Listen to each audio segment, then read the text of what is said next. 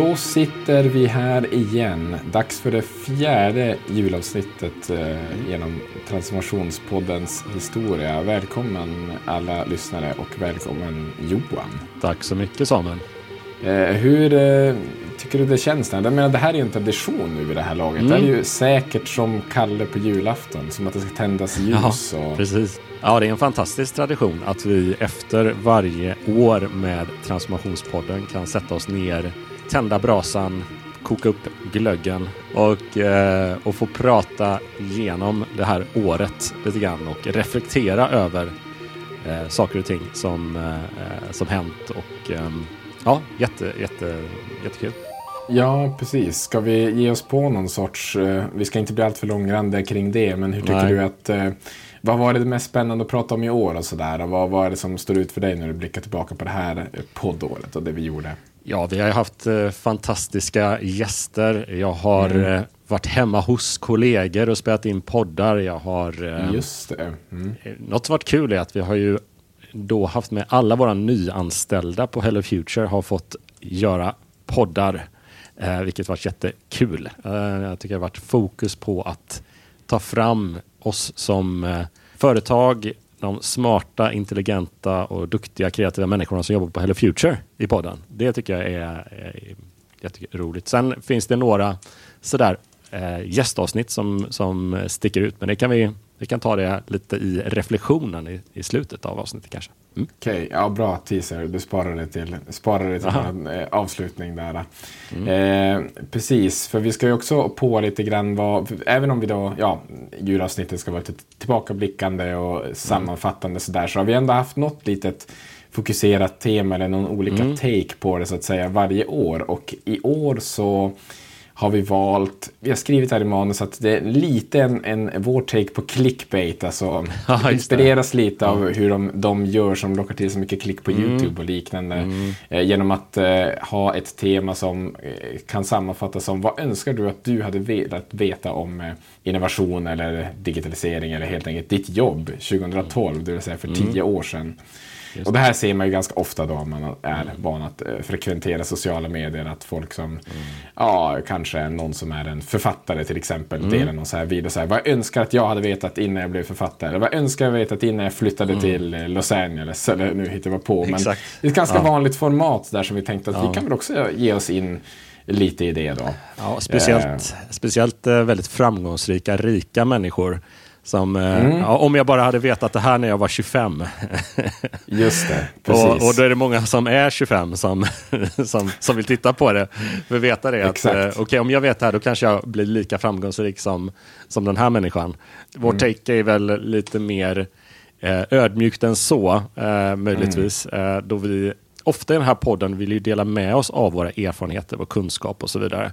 Eh, och vi tycker det är en, det är en bra liksom, segway in i rätt mycket personliga reflektioner och så vidare kring att just jobba med, med innovation och förändring. Att det är ju ett område där man hela tiden behöver lära sig nytt. Och de stora lärdomarna, de stora kanske failures eller aha-upplevelserna hjälper ofta andra att liksom skjutsas lite snabbare fram i sin process möjligtvis. Eller möjligtvis då undvika något sånt där grävhål som, som man inte kanske ser. Ja men precis och eh, genom teknologins ma- magi så vet ju jag redan vad som kommer här i podden så att eh, Ja. jag kan ju flagga för det att resten av podden har ju faktiskt redan hänt. Mm. Så att eh, ni hör ett, eh, ett intro här nu som faktiskt ligger efter i tiden så jag kan, jag kan avslöja att jag tycker att det blir intressanta diskussioner Mm. sen på just det temat faktiskt.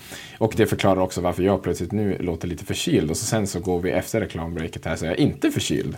Men det är så teknik funkar så vi kan, vi kan få ihop det här ändå.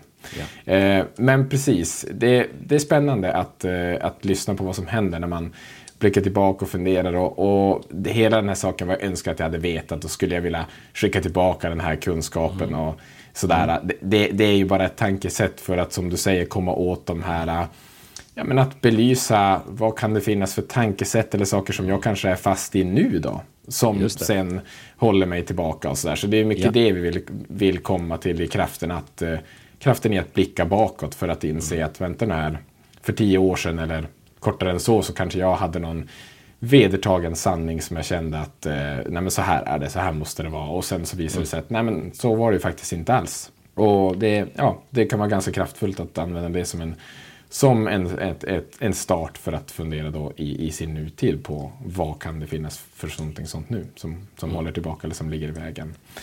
Eh, lite i enlighet med, med mm. box 2 i vår klassiska eh, treboxmodell. treboxmodellen mm. som vi vad vore en julavslutning utan att vi nämner treboxmodellen? Johan, det måste vi göra. Absolut. Ja, precis. Absolut. Nej, men med det sagt så är det någonting du vill tillägga Johan om det här eh, temat eh, som du tycker är viktigt att ta med sig? Nej, det ska bli väldigt spännande nu att få, få lyssna till vad en gäng av våra kollegor har, sitter på för olika reflektioner nu kommande mm. timmen, en och en halv sådär. Eh, och eh, vad vi kan plocka med oss från det in i nästa år. Eh, för mm. du har ju, eh, eller vi har ju bjudit in Leif, Kalle, Tobbe, Rich, Anna mm. Eh, att sitta sig ner med just den här frågan. Så att ja, alla får bara buckle up nu och, och hänga med. Med det sagt så tycker jag att vi släpper in det första gänget och så sen så hörs du och jag Johan igen i slutet av avsnittet för att ja, knyta ihop den beryktade säcken och blicka lite framåt vad som väntar för lyssnarna och Transformationspodden in i nästa år. Ja. Men ja, njut av den här tidsresan och tillbakablicken.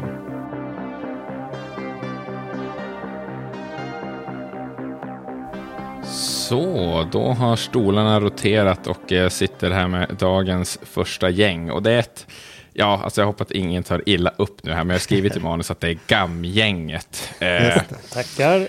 Och eh, det har ju då ingenting med den individuella åldern på deltagarna i segmentet eh, att göra, vill jag bara notera här, utan det, det, är en ren slump så att säga. Eh, sen har, nu har ju då jag inkluderat mig i gamgänget i så fall, om jag sitter här, men det gör jag inte, utan eh, nu sitter alltså Leif, Tobbe och Kalle här.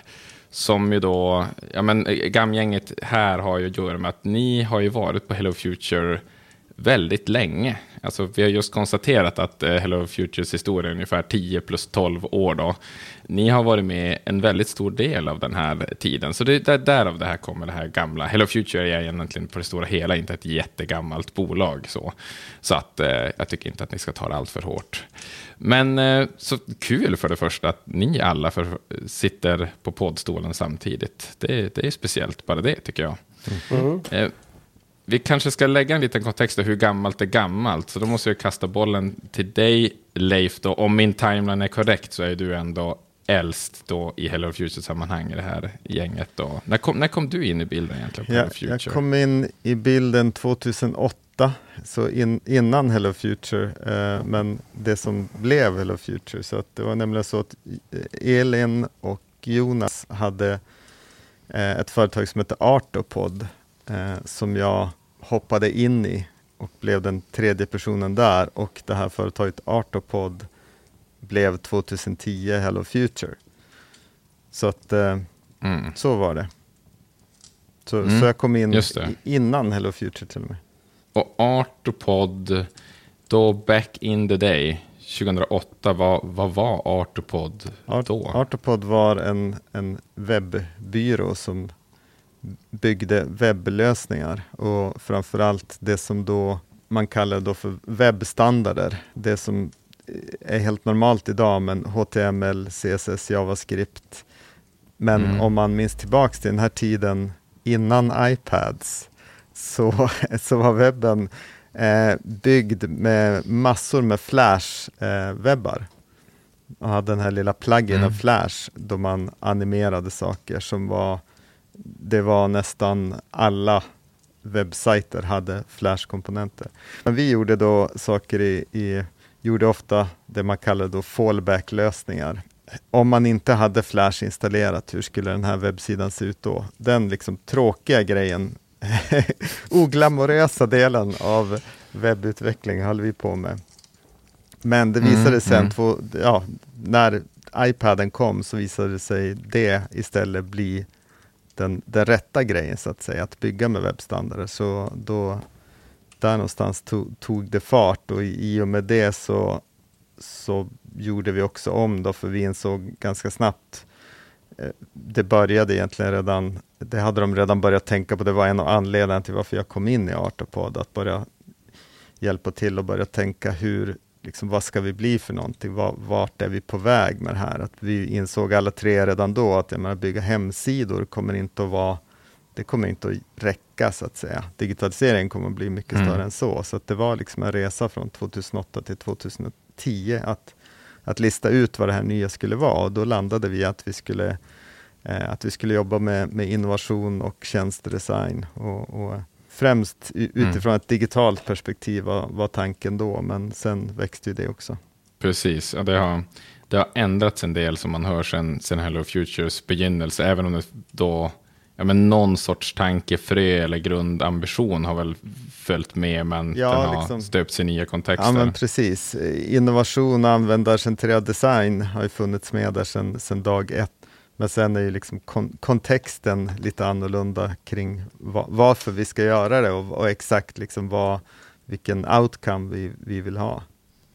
Och sen någonstans här på vägen, då, och nu, nu blir jag själv osäker här, men jag tror att jag i så fall ska passa bollen till Kalle, va, för om kronologin ska bli rätt här.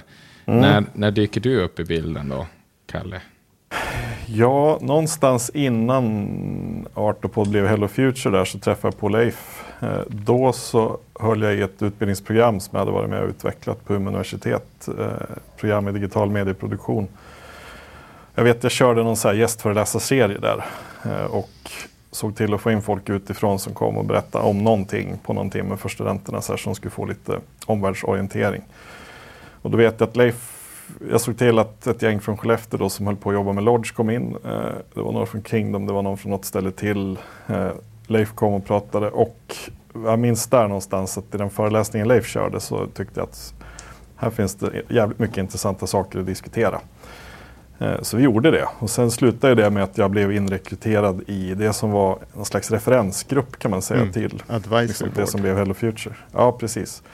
Så jag var ju med där på ett hörn innan Hello Future blev Hello Future och tyckte någonstans i det som höll på att hända att så här, det här är ju alldeles för spännande för att inte vara med på att göra. Där måste jag ju liksom hitta ett sätt att liksom få med och realisera.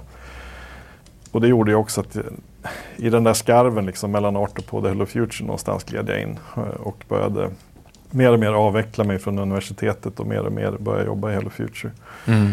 Man kan säga att någonstans var jag med där i grundandet och liksom mm. tog upp de första strategiska riktlinjerna för vad det är vi försöker göra med det här. Eh, och jag tyckte då, om jag tänker tillbaks, att det var en jäkligt spännande tid eftersom väldigt lite var bestämt och det var väldigt lite så fasta svar. Det var ett stort utforskande för att se, liksom, okej, okay, med ambitionerna vi har som är rätt stora.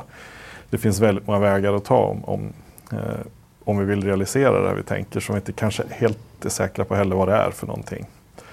Eh, så där mm. halkade jag in på ett, någon slags, sen har det liksom blivit eh, från den starten så ja, jag började jobba med det med i HF Eh, och har haft lite sådär eh, side hustles. Eh, ett tag jobbar lite parallellt på Interactive Institute. Ett tag, jag har kvar någon procent på universitetet men jag har liksom haft hjärnan fokuserad egentligen på HF sen den referensgruppen kan man säga, eller sen advisory board-perioden.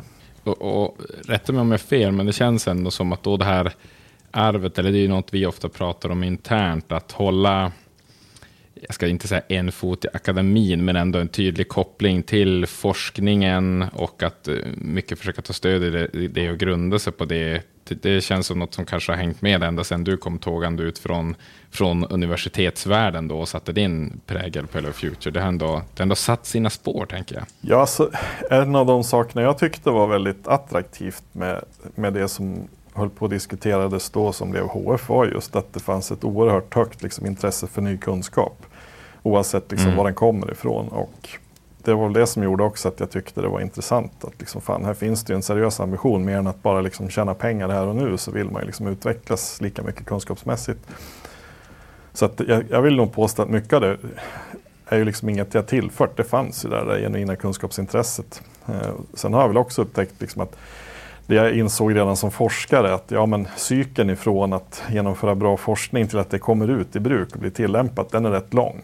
Eh, och det ska den vara mm, om det är grundforskning mm. det handlar om. Vi bedriver ganska lite grundforskning i Sverige. Tillämpad forskning, ja det är intressant men där kliver man ju alltid av innan det händer någonting eller så kommer man in efter någonting har hänt för att försöka förstå vad det var som hände. Jag vill ju vara med och göra det som hände, det var ju liksom min inställning. Så jag såg det som ett fantastiskt läge, liksom att så här, ja men okej, med det här kunskapsintresset, liksom, här finns det ju lika mycket saker som jag kan utveckla som, som jag kan bidra med. Liksom. Eh, men Mm, det är klart mm. att ja, jag har väl kanske puttat in en och annan sak sådär. Framförallt tycker jag att det har varit en styrka att kunna ha den erfarenheten när vi har tittat på, liksom, vi har hittat någon modell vi gillar, så här, varför gillar vi den? Är den realistisk?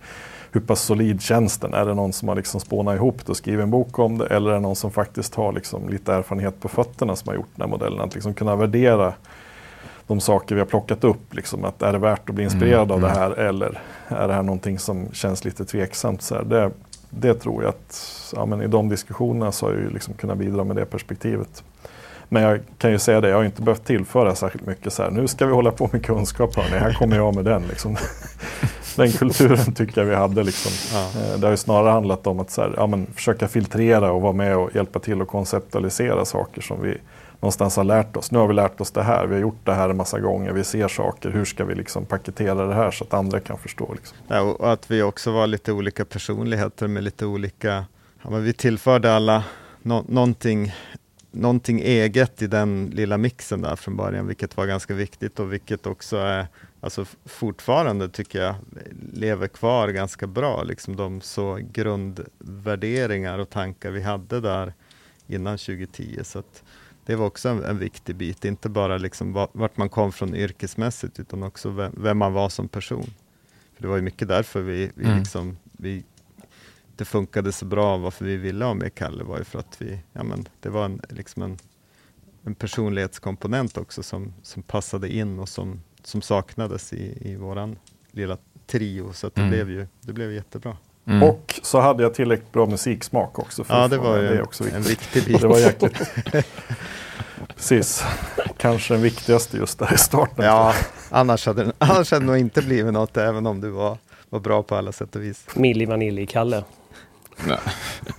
ja, precis. Var det, var det på samma meriter du tog dig in, Tobbe?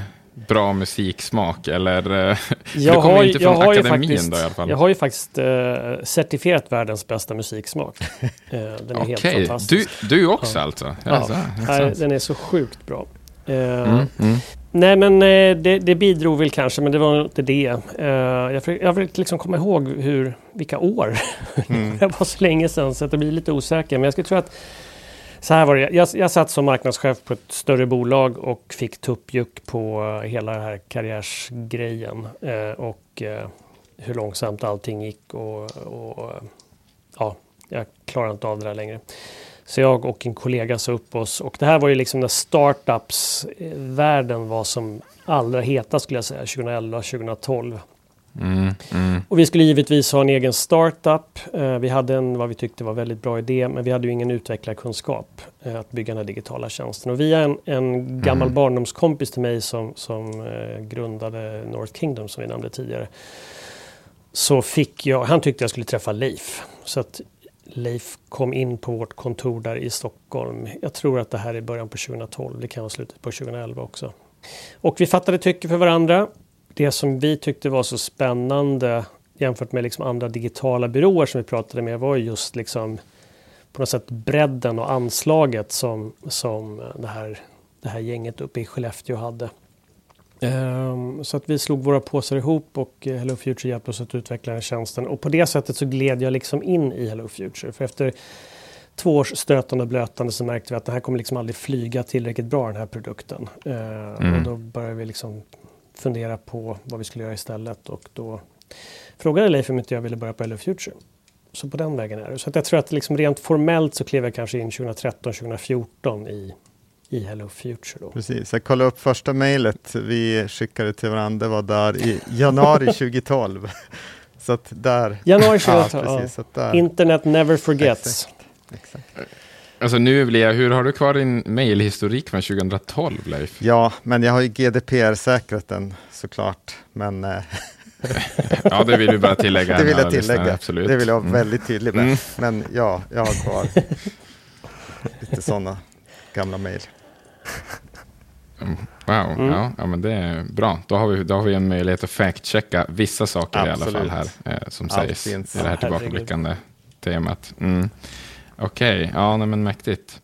Så det är någonstans där, för att som sagt för kontexten för dagens avsnitt så sa vi det att vi skulle blicka ungefär tio år bakåt. Då, så det är väl precis där i, i tiden för det, för det mejlet. Eh, ja, men, eh, spännande historielektioner. Jag tror att den här den liksom, grunden som ni beskriver här, som är fröna till hur Future har blivit idag och allt det vi intresserar oss för, och teman, det kommer säkert att dyka upp och utvecklas mer när vi ska börja, ska börja dela våra sådana här eh, vad ska vi säga, insikter eller så som vi önskar att vi kunde skicka tillbaka till oss själva cirka 2012 då, vad vi önskar att vi hade vetat redan då. Eh, så vad sägs om att vi kanske, Tobbe, du fick inte se det sist här nu, så att, eh, mm. vad sägs om att vi börjar hos dig, så kan du få dela Oj, vilken, vad du önskar ära. att du hade lärt dig. Ja, ja nej, men det, det, är ju väldigt mycket saker man har tänkt på sen jag fick den här frågan, men jag skulle säga mm tillbaka till min egen naivitet. Eh, det jag verkligen liksom har insett är ju vilken stor roll människan har i förändringsprocesser. Mm. Det här visste man ju på något sätt om, men jag, jag vägrar liksom acceptera, acceptera på något sätt hur långsamt saker och ting går. Mm. Och varför går det så långsamt? Jo, men det, det handlar mycket om, om, det här som vi har börjat prata om ganska mycket ny, liksom på sistone, det här med psykologisk trygghet, men också där, alltså att man, man, man vill ha kvar det, det, det, invanda, det man känner till, det man har gjort förr. Och hur svårt det är för människan att bryta sig loss det, ur det. Liksom. Eh, och mm. Tillbaka till, liksom, hade man suttit där 2012 och så här, ja, men, okay, det industriella paradigmet som vi kallar det, det här liksom förutsägbarhet, accountability och sådär. Det är så oerhört mycket tyngre än vad vi någonsin har liksom kunnat föreställa oss på något sätt. Och det är rätt tur mm. det, för hade man insett det då hade vi aldrig orkat. Då hade vi gett upp där och då. Um, mm. Så att, så att för jag, om man tittar, tittar på liksom var vi är nu. Jag, menar, jag tycker vår kollega Rich sa det så bra när vi var på en workshop. Att, menar, nu, alla verktyg, alla, all så att säga, teoretisk kunskap om då till exempel hur man driver innovation finns ju. Alltså det, vi har ISO-standarder för det nu. Liksom. Men ändå går det så fruktansvärt långsamt och det beror ju på att människan, individen, befattningshavaren är ju till syvende och sist livrädd för förändring. Mm. Jag kan inte förklara mm. det på något annat sätt att, vi inte, att det inte går fortare. Liksom att, mm. att eh, och jag tänkte tillbaka på liksom, alltså bara så här, jag blir, jag blir så frustrerad varenda dag med hur skolappar funkar. Alltså det, hur svårt kan det vara att bygga en bra app idag? Men ändå så accepterar man de här skräpapparna rent ur ett UX-perspektiv och ett funktionalitetsperspektiv. Och det liksom, jag har så svårt att förstå det där själv. Eh, men det måste ju bero på att ja, men det är en trygg stor leverantör och de, de har sina trygga processer. Och sen att det blir skräp för användaren, det, det är liksom det är helt sekundärt jämfört med att vi har koll på allting. Allting är planerbart, mm. allting är fix och färdigt och, och allting känns tryggt. Så att, mm. eh, det, det, är min stora takeaway take på något sätt. Liksom. Hur jäkla rädda vi alla är för att driva förändringsprocesser. Mm. Mm. Håller ni med? Samtidigt, samtidigt där, inte alla, och det här är ju fascinerande, för jag håller med Tobbe. Det är ju, eh, den stora, om man liksom ser det som någon slags fördelning, så jag tänker så att ja, men det man inte fattade då, eller det jag inte fattade då, om jag hänger på i din spaning, är, var ju liksom hur ojämnt mm. fördelat den här förmågan att liksom snabbt förändras är. Det finns ju vissa personer, vissa liksom institutioner eller organisationer där man är jäkligt bra på snabb förändring också. Och det är ju då, tack vare dem vi har byggt upp någon slags kunskap om så där, ja, men hur funkar det när innovation fungerar? När saker faktiskt blir gjorda, när man realiserar idéer till ett värde, när det faktiskt händer i slutändan och blir jävligt lyckat. Liksom. Jo, men vi har ju de där människorna som förmår det där, som inte liksom är fast i den där trögheten på något sätt eller liksom, som kräver mindre för att vara bekväma i de där situationerna. Så de har vi ju lärt oss mycket av. Men jag underskattar ju gravt liksom 2012 mm här, hur många de andra var. Jag tänkte som att jo, men här har vi de goda exemplen. Vi har ju liksom bevisen runt omkring oss. Fan, det här det borde ju vara att köra. Det här borde vi kunna jämna ut så att det blir mer liksom normalfördelat och inte så här totalskevt som jag tyckte det var då. Och det, det tycker jag är rätt fascinerande av liksom att okej, okay, det där det där var verkligen toppen på ett isberg, det här vi såg som drev. Och sen säger resten av isberget att vi vill också vara toppen. ja, men det tar inte riktigt lika liksom, kort tid för er att bli Ja, det. och det här är en liten uppmaning till alla er där ute som känner igen er. Eh, gör inte som jag och, och ge upp. Eller ni, får i och för sig göra och, och bör, börja på Hello Future. Eh, men men ni, ni behövs ju där ute eh, som bara den och kämpa på och eh, driv, driv de här förändringsprocesserna. Det är jobbigt som bara den men, men ge inte upp. Snälla. Mm. Ja, precis, och ha en realistisk förväntan. Det, saker går inte skitsnabbt. Liksom, har det tagit 30 år att bygga upp någonting som fortfarande fungerar, det är klart att det inte kommer att ta tre månader och ett projekt att liksom ändra allt från det. Liksom. Det vore ju extremt konstigt om det vore så. Så det tänker jag också, fan uthållighet är ju det kanske eh, kopplat till det här som jag liksom, i det här sammanhanget tar med mig. Liksom, att, ja, men okej, man måste nog ha oerhört mycket mer uthållighet Mm. för att få innovation att hända liksom, och få effekt än vad, vad jag trodde 2012. Liksom. Jag trodde att det gick att jobba ganska snabbt. Får man bara folk att förstå vad det handlar om, då kommer det här. Och liksom, alla ser fördelarna, vi kommer att löpa på. Men det krävs ju liksom en, en typ av så här, långsiktig uthållighet. Att man inte ger upp för snabbt och inte heller blir besviken. Liksom att okej, nu har vi provat det här med innovation. Vi har gjort några workshops hos någon aktör. Vi har gjort något litet projekt. Men titta, det hände inte så himla mycket. Ja, då kan vi lägga det här åt sidan. För det, det gav ju ändå ingenting. Det här kostar ju mer än det smakar. Det tror jag är den största fällan kopplat till det. Liksom, att man inte har tålamodet och inte inser liksom, att på samma sätt som det tog lång tid att ta oss hit där vi är idag kommer det ju förmodligen inte Och gå ett, på och ett tips vecka, också liksom, till, till er som liksom ändå får igenom de här små innovationsprojekten som kanske inte då liksom flyger vidare. Det är, nog knappt, det kanske inte är metodiken som är problemet utan snarare att lägg, lägg tid och resurser på att analysera liksom de mänskliga perspektiven. Vil, vil, vilka rädslor är det som har rörts upp i med den här förändringen? Eller förändringsprocessen som har drivits. Och den, och den där är ju väldigt kopplat, tänker jag, till, till eh, liksom hur vi organiserar arbete också. Jag tänker att det är en, en Mm. stor Ah, en, en stor orsak, just det, det som Anna hos oss kallar the corporate immune system. Eh, det, det gör ju att det blir också svårt för, för människor att, att förändras för att det finns liksom inget riktigt utrymme eller kostnaden att göra någonting nytt blir så hög att det inte är värt att göra den. Det man kan få tillbaks i form av någon typ av beröm eller klapp på ryggen liksom är, är inte värt all den mödan och, och risken att tappa i anseende och så vidare. Och där tror jag också är en, en liksom, de tillsammans, just det här liksom människoperspektivet med psykologisk trygghet tillsammans med hur vi organiserar arbete vanligtvis gör att, att innovation är mycket svårare än vad det, vad det skulle behöva vara. Jag, Mm. tänk, jag tänkte Mm. på det bara som en privat reflektion här i helgen då, då eh, eh, min, min flickvän gjorde ett, ett, ett projekt för deras idrottsförening. De eh, delade ut en massa tidningar eh, för att få in pengar till klubben. Då. Och, och de har gjort det här nu ett, ett par gånger och varje gång så går det samma arbete går jättemycket fortare varje gång. Och det är för att hon, hon, blir liksom, hon blir bättre varje gång på att se, okej, lägga upp arbetet smart. Det är samma människor som gör det, det är samma område, det är samma arbete som ska göras. Men genom att hela tiden optimera hur de organiserar det arbetet så tar det liksom, nu tar det halva tiden mot vad det gjorde från början. Jag tycker att den, i, i det lilla enkla med det, så tycker jag det är Mm, så fint, mm. för det visar att okej, du har samma människor eh, som gör samma uppgifter, men du kan göra det på halva tiden utan att någon tycker att det blev slitigare, bara genom att lägga upp arbetet på ett annat sätt.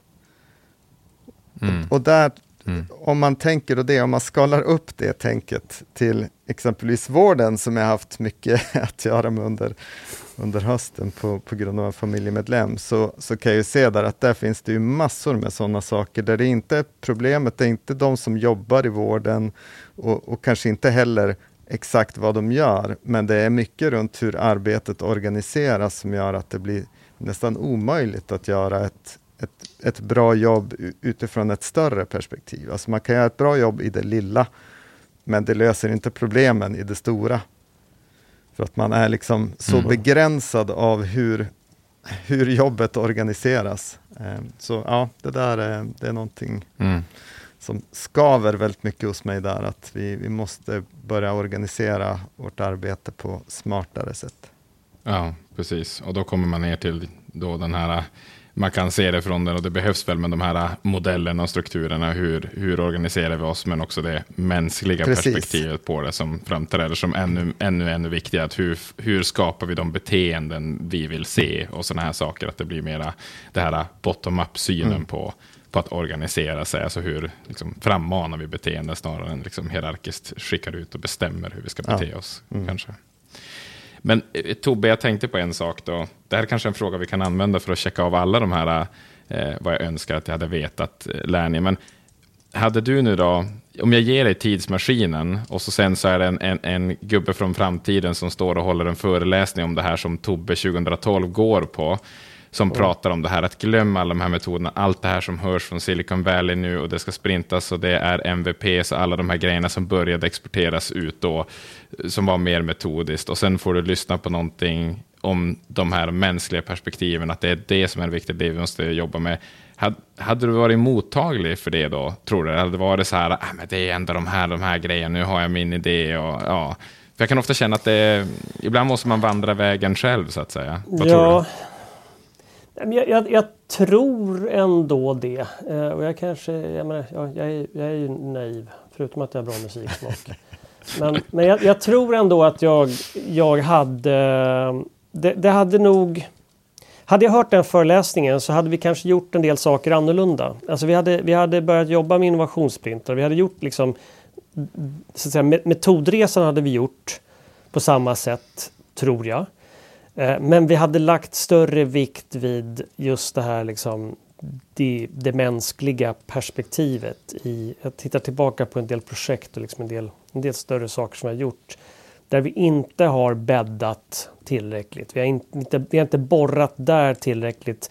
Och hade vi gjort det så hade resultatet blivit mycket bättre eh, och kanske mer bestående och sådär. Eh, för att det, bör, det, liksom, det var mycket one-offs i början eh, och effekten, alltså jag tror att orsaken till det var just att vi inte liksom tittade tillräckligt mycket på, på det här.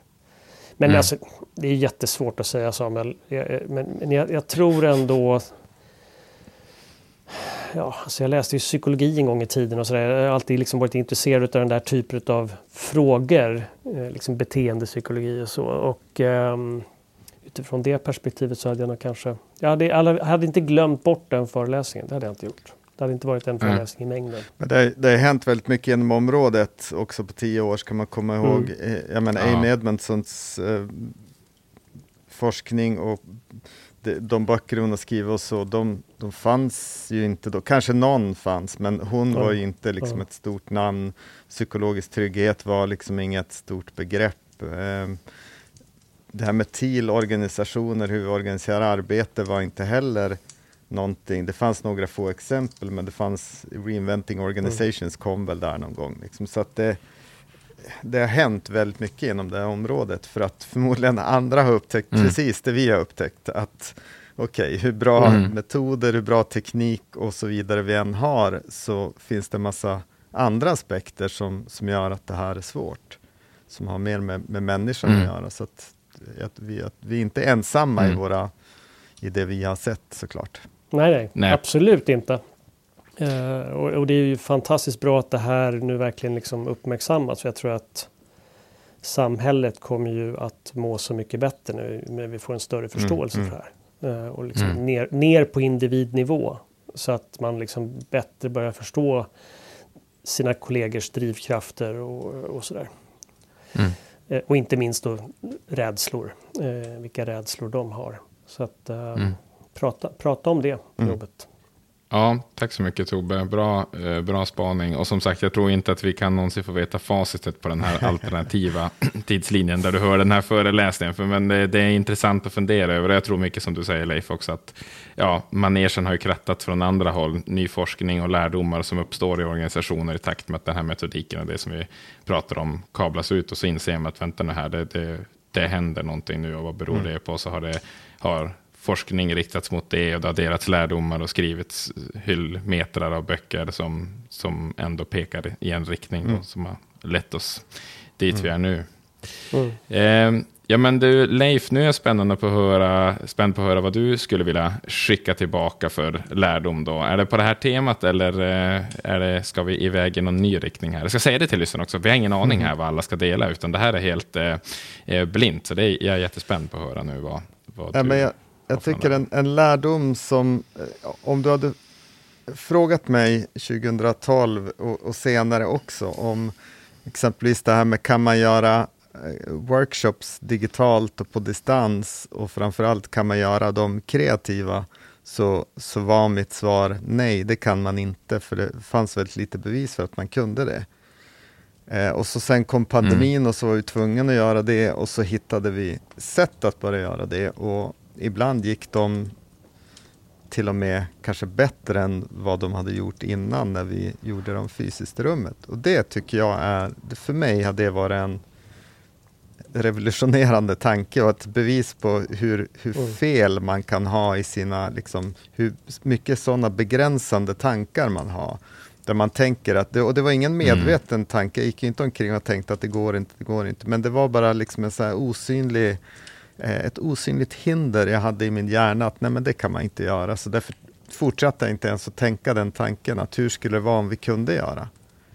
Och, och det har ju helt mm förändrat för, för, oss hur vi jobbar, hur vi kan liksom organisera vårt arbete, vilka kunder vi kan jobba med, vilka resultat vi kan nå, eh, hur effektiva vi kan vara. Vilka vi kan vilka anställa. Vi kan anställa ja, men precis, hur vi kan hitta talang. Mm. Så det, jag önskar att jag hade vetat det 2012, för då tror jag att vi hade jag tror att vi hade gjort saker lite annorlunda. Um, vi hade nog byggt in mm eh, vad ska man säga, mänsklig hållbarhet lite mer i, i hur vi hade byggt Hello Future. För att det vi, det vi gör är väldigt, nu kanske alla kan säga så, alla yrken, men det vi gör är väldigt påfrestande. Vi försöker driva förändring och skapa innovation, särskilt i organisationer som inte alltid det är någon, några personer som vill det, men, men det finns ofta ganska stort motstånd och det här det är mentalt krävande. Och mm. om man då dessutom lägger på det att man ska resa överallt och vara borta hemifrån och så, vilket vi gjorde jättemycket fram till pandemin. Det var ju liksom att resa till kunder och hålla workshops var ju det som vi gjorde. Liksom. Så både påfrestan på, på mm miljön, miljöpåverkan eh, för resandet, men också liksom hållbarheten hos oss som människor i att måste vara så mycket borta hemifrån och liksom ineffektiviteten i det. Men, men också eh, det här med att vi har ju i och med det kunnat hitta nya arbetssätt som har gjort att vi har kunnat börja mixa liksom, våra kunskaper genom mjukvara med det vi gör i, i, liksom, i att leda processer och innovationsprocesser och kunna börja men, få fram bättre sätt att jobba med insikter och så vidare som vi inte hade gjort annars, om vi inte hade haft den inputen digital. Så jag, jag tycker att det har lett mm. oss in på mm. fantastiskt spännande vägar och jag, och jag önskar att jag inte hade haft den begränsningen 2012. Inte nödvändigtvis att jag hade vetat allt vad jag vet nu, men åtminstone att jag inte hade sådär stött på ett glastak där mm. i min egen hjärna. Fast det stora mm. problemet Leif hade ju varit att det hade ju inte funnits en enda kund som hade nej, accepterat nej, det, att vi genomdriver workshopen nej, så, digitalt. Så är det ju, utan det, det hade ju förmodligen varit ett jättejobb att liksom börja, men då hade, jag tror att vi hade tittat åt lite olika håll. Jag tror att vi hade mm. åtminstone kanske börja vara med i olika forskningsprojekt och, och liksom börja ut, utforska det området lite tidigare så att vi hade varit ännu mera beredda innan mm. eh, när exempelvis en pandemi kom eller något annat. Då hade vi liksom varit mm. redan up and running på det. Ja, ja. Ja det, det är ett konkret exempel där tänker jag, och nu ska vi se här, jag tror att den här Eh, på oss väldigt inflytelserika boken Sprint, då, alltså som började exportera ut eh, eh mm. sprinten, då, eller innovation, designsprinten, eller innovationssprinten som vi klarade. Den kom kanske 2015, om jag ska gissa. Google mm. Ventures mm. hade jobbat på det där ett tag och sen exporterade de ut det formatet och sådär. Och det, eh, om, då var det ju verkligen att det, det, var ju inte en fråga man ställde sig. Alltså vi, vi, hade aldrig den här, den här klassiska frågan som vi lyfter i nästan alla våra designprojekt. Alltså hur kan vi? Att man ställer den här triggande frågan. Så den ställde Nej. vi oss aldrig. Hur kan vi göra mm. det här digitalt? Utan, och, och, där vill jag säga då, ja, det, det, det, är ju verkligen något man skulle vilja skicka tillbaka. Att, men utforska det, testa det, tänk mm. om. Men, men den boken har ju eftersom den har ju varit så inflytelserik, så den, den skulle jag säga förhärligar ju nästan det här fysiska. Mm. Alltså det är verkligen en kärnkomponent i det, att det ska vara i samma rum. Här är de snacksen Absolut. du ska köpa. Man ska sätta upp allt på väggen och det ska vara post-it. Så det, så det är så otroligt cementerat i det, så jag förstår mm. att man inte bröts ut för det. Men det är intressant att tänka, vad hade hänt redan då man började undra? Jo, nej, men det. Så är det, det, det finns ju en eh, och den, den finns även hos, hos oss till stor del och också hos många av våra kunder. att Det finns ju ett, något sådär härligt med att vara tillsammans i ett rum och sådär mm. bolla tankar mm. mellan varandra och så vidare. Och, och det, det, kan kännas väldigt bra, men när, när vi tittar på liksom, outcome av de projekt och arbeten vi gör med olika kunder så är det ju enligt mig i alla fall omöjligt att säga att det blir ett bättre, att slutresultatet nödvändigtvis har blivit bättre de gånger vi har varit mer på plats än när vi har kört det mer digitalt. Vi kan ge liksom både, mm. vi kan mm. ge goda exempel i, i, i både och så att säga, både fysiskt på plats eller digitalt. Um, så att det snar, handlar ju snarare mm. om liksom hur öppen man är för att vara med i de processerna, för vi lägger upp dem lite annorlunda. Det blir liksom mer mm. långa chunks av tid när man gör det på plats och det blir mer för att kostnaden att dyka upp där är så hög så att man måste liksom ha ganska mycket. Man åker inte, man flyger inte iväg tvärs över landet för att hålla en en timmes workshop. Utan då, då samlar man ihop många mm. människor och gör någonting långt. Medan när vi jobbar digitalt så bryter vi upp det i mindre beståndsdelar som, som går över en, liksom, ja, men lite grann hela tiden. Och, och det passar ju såklart olika grupper olika bra, men vi vet ju att vi kan få ett jätte, jättebra resultat oavsett.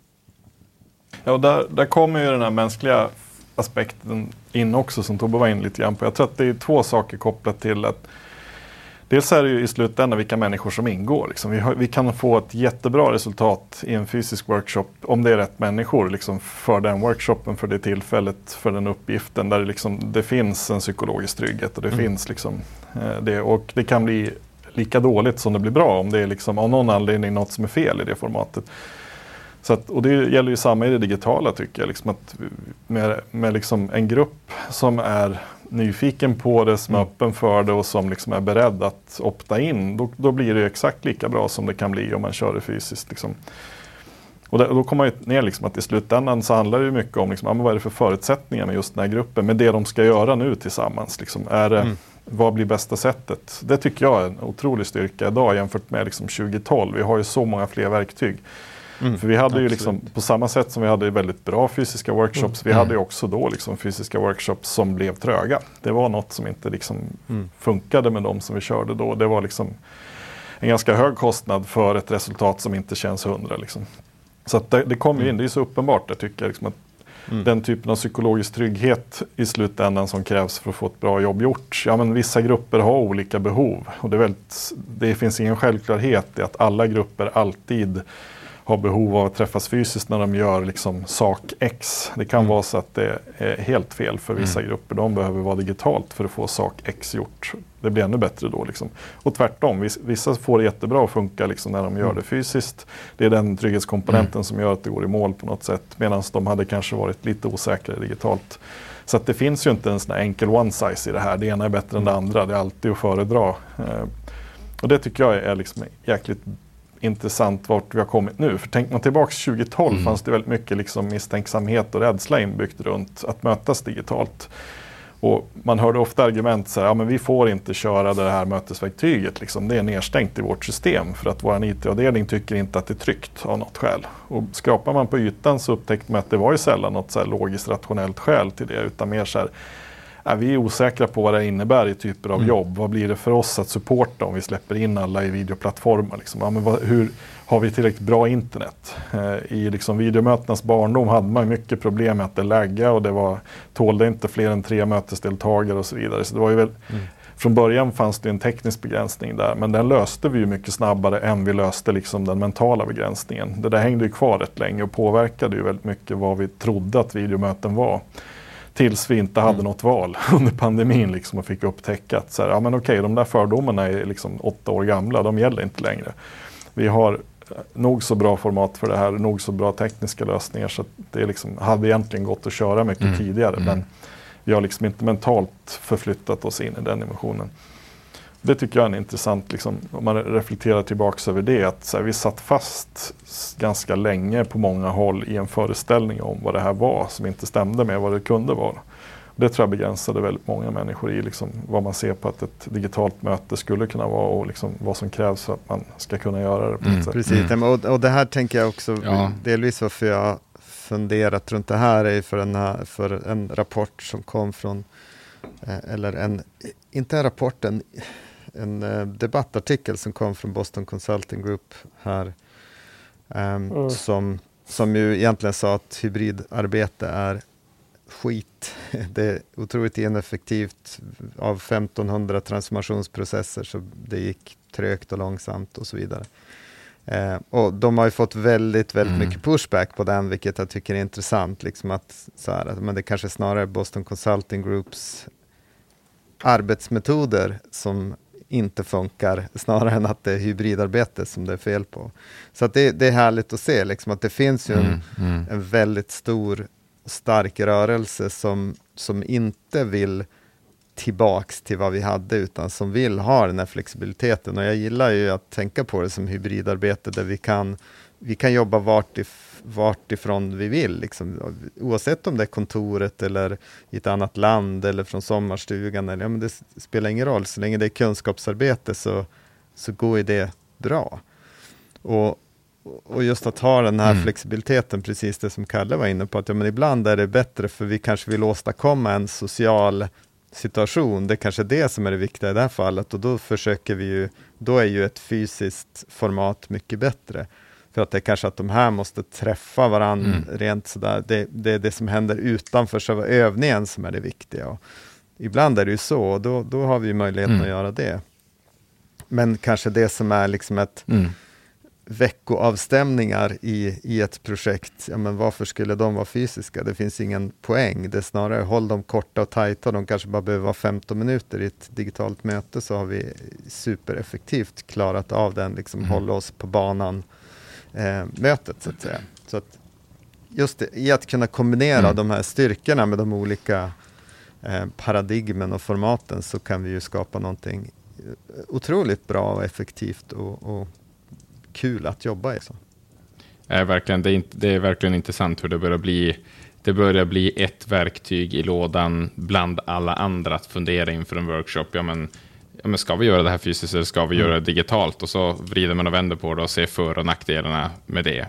Där det då 2012 och även långt, långt senare så, så var inte det, det var inte ett verktyg. Man, man såg inte det som ett verktyg, utan det var någonting som var att så här är det att vi, vi kommer att göra det fysiskt, för att det är så man gör. Så det, det är verkligen en sån där typisk eh, rotad eh, tanke då, eller snarare en kedja i det här fallet, kanske alla box 3-tänkandet mm. då. Eh, som borde kanske ha lagts i, i box 2 tidigare, identifierat att det här är bara en kedja som håller oss tillbaka. Det är inte någonting rotat, att vi måste ses fysiskt för att lyckas med den här typen av uppgifter, mm. utan det kanske kan göras bättre om vi bara lägger det till två tider. Ja, precis, och, och, det är lite intressant också om man tittar, för det här vi, visste vi inte 20-talet, när vi tänkte digitalisering i organisationer så var det ju kanske inte de här sakerna vi tänkte mest på, att vi skulle digitalisera arbetssätten, utan det var ju mycket tankar runt sådär, ja men internet mm. of things, sensorer, automation, sådana saker som var de stora sakerna som, som vi trodde på i alla fall. Vi trodde skulle hända under, under 10-talet, vilket mm.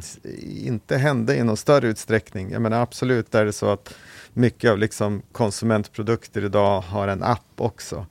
Men, men det finns ju liksom inget sådär någonting som naturligt alla människor har hemma för att kontrollera sitt smarta hem exempelvis. Alltså det finns ju produkter från Apple, Google, Amazon som gör det, men det är ju ingenting som de flesta bryr sig särskilt mycket om kan man väl säga. Alltså den, det, det, har inte slagit mm. än i alla fall. Mm. Det, det, är liksom, det är någon komponent där som saknas för att det ska bli kul, enkelt och, um, och vettigt att göra. Kanske mm. är det elpriserna som kommer att göra det eller något annat, liksom, att vi hittar något, något sätt att vi vill automatisera mm. eller att, mer automation i hemmen. Men, så, mm. nej, jag tycker sånt där, det är intressant att tänka på att vi, vi trodde att digitaliseringen skulle bli mer åt det hållet och istället så blev den då liksom det här att mötas, jobba ihop.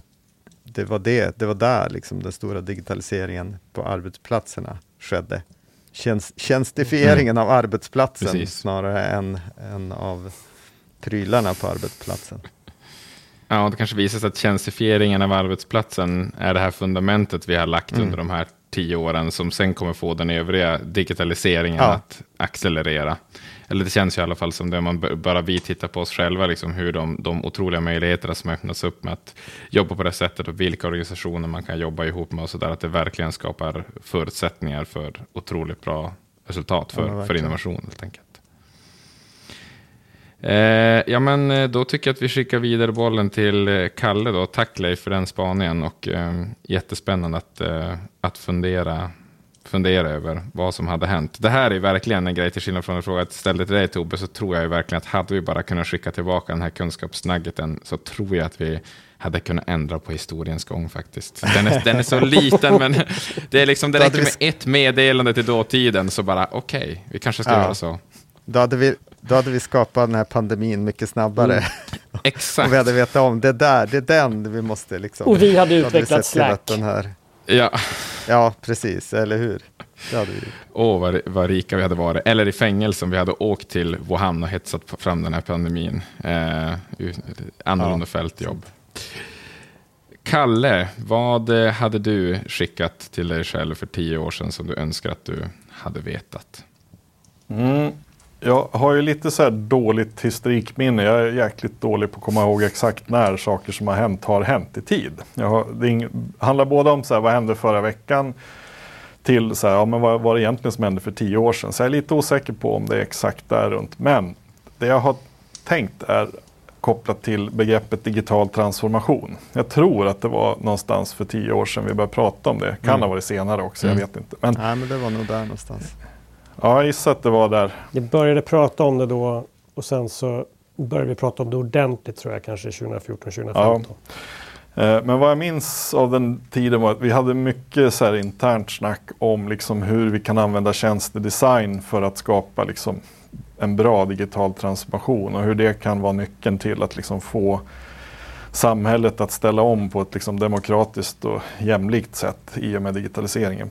Eh, och då var inte heller begreppet så himla inrutat som det är nu, där det har liksom snarare blivit likställt med det man gjorde inom datoriseringen på 80 och 90-talet, så här, om man ska hårdra det. Men då pratade vi mycket om digital transformation och vi hade mycket idéer på så här, hur vi ska använda tjänstedesign för att liksom demokratisera den processen och minska klyftan mellan de som liksom tjänar väldigt mycket pengar på digitalisering. Det såg vi ju då, det fanns liksom oerhört mycket kapital kopplat till startup-världen och till liksom ett antal stora aktörer som tjänade multum på att det blev så här. Det var vissa strukturer i samhället som gynnades väldigt mycket och som kunde globaliseras tack vare digitalisering och som liksom stod på någon slags vinnarsida.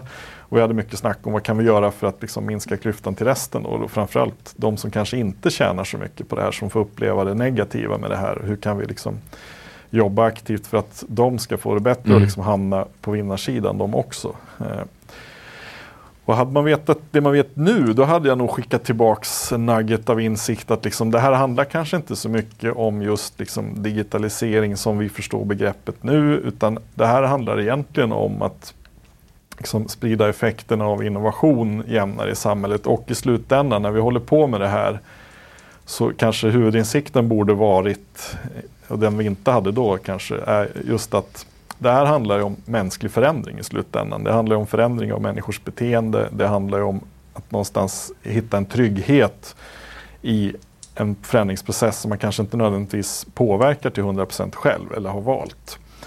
Eh, det, det, skulle jag vilja liksom skicka tillbaka. Liksom, ja, men titta lite lite mindre kanske på liksom digitaliseringsretoriken och de argumenten. Titta lite mer på det som är liksom det generella i det här. Nu, det handlar om liksom att vi behöver skapa och ha möjlighet att skapa nya saker, det vill säga vi har en möjlighet till innovationsarbete. Och i och med att det finns den möjligheten, vill vi att positiva saker ska hända så måste vi kanske eh, fokusera uthålligt och lite mer på människors beteende. Och jag tänker ganska brett. Vi pratade mycket om beteende. Då var det också väldigt mycket utifrån liksom ett användarcentrerat beteende. Att liksom, hur kan vi få tjänster att bli bättre givet det här? Hur kan vi få liksom vardagsupplevelsen för invånaren i kommun att bli bättre? Det var mycket snack om liksom mm. tjänsteleveransen och beteendet kopplat till det. Där hade jag nog velat skicka in en nugget att liksom, titta inte bara på det utan titta också på förmågorna hos de som ska leverera det här. Liksom att, vi har ju sett det i det vi gör att kraften när det finns ett upplevt ägande i en lösning är ju fruktansvärt stor. Äger man sin lösning och tycker att det här är något jag står för, jag hoppar in i det här, jag vet vad det är för någonting, det här är något som jag ser alla fördelar med, som jag känner är liksom, det här är mitt. Så är den kraften oslagbar jämfört med när någon har byggt världens bästa tjänst åt den som man ändå inte riktigt uppfattar som sitt eget sådär. Och som är väldigt lätt att stöta bort vid första bästa anledning.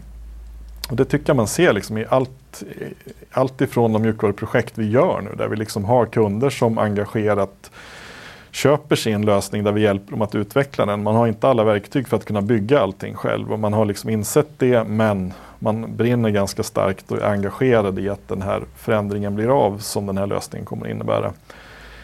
Och där tänker jag att det finns någonting man skulle vilja skicka tillbaks. Liksom att, ja, men om vi kan titta lite på de människorna som ska stå för grundprocesserna för att de här förändringarna ska kunna ske. Allt ifrån liksom de som jobbar med verksamheter i kommuner till verksamheter privat.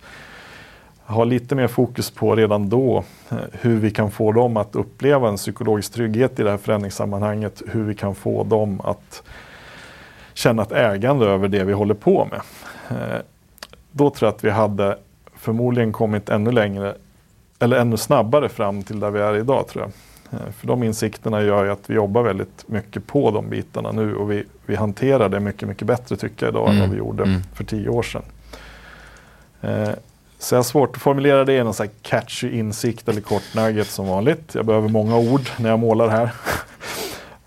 Men det är väl det någon slags insikten om så här, det som skapar en psykologisk trygghet och ett ägande som gör att man vågar ge sig in på någonting annat. Att man vågar överge liksom en skyttegradsposition eller en, en ganska bekväm verklighet där man kanske inte nödvändigtvis är mottaglig mm. för de här stora argumenten till förändring. De mm. kan alla vara överens om på ett intellektuellt plan. Liksom att, ja, men, inte minst nu i, med den utmaning vi uppmärksammar nu runt hållbarhet. Liksom att, okay, jag tror att vi visste ganska mycket om stora samhällsutmaningar då också, att de kom. Men vi hade inte riktigt modet kollektivt att liksom våga adressera det. Eh, och just nu så är vi i ett läge där vi har en urgency men vi har fortfarande inte riktigt modet på många håll att liksom gå in i de förändringsprocesser mm. som vi någonstans vet behövs. Och där tror jag att vi hade kunnat vara bättre rustade idag för att hantera det här om vi hade haft en lite ökad medvetenhet om det för tio år sedan. Att liksom det här krävs att vi får människor att känna sig trygga och bekväma med att göra det här. För det här kommer att vara jättejobbigt, det kommer att ta tid det kommer att, att kräva uthållighet och liksom målmedvetenhet och att man har modet att stå för de sakerna som man vill att det här ska leda till. Det är ju en, jag tänker en intressant nu i din, i din berättelse här som du säger Kalle, en, en intressant som jag tänkte på just det där att för, för det kan jag verkligen reflektera över att du tittade på digitalisering och vilka effekter den börjar få och så där under den här perioden som du, som du målar upp.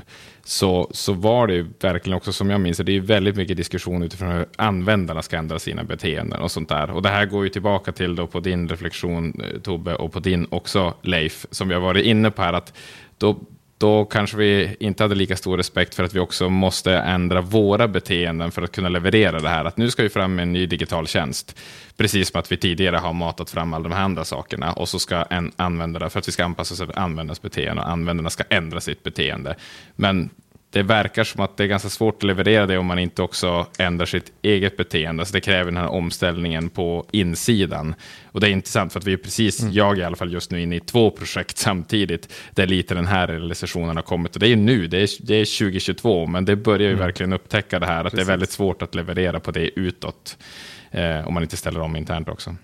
Ja men verkligen. Och jag tror att nu eh, äntligen skulle jag säga börja, känns det som de här världarna börjar smälta ihop lite grann. För egentligen är det ju oftast samma sak vi pratar om. Om vi pratar förändring och att leda i förändring. Vi pratar eh, transformation, vi pratar innovation och det finns en massa, massa andra områden och de har kanske mer att göra med om vi ska vi göra nya arbetssätt eller ska vi göra nya processer eller ska vi göra nya produkter eller ska vi göra nya tjänster och utifrån det så kallar vi dem kallar vi områdena lite olika saker. Mm. Eh, men allting handlar om att vi, vi ska göra någonting nytt tillsammans och det är läskigt. Liksom, hur, hur, kan vi, hur kan vi stå emot liksom, utifrån de här strukturerna vi har, de här rädslorna vi har, de här belöningssystemen och så vidare. Hur kan vi skapa någonting nytt i det?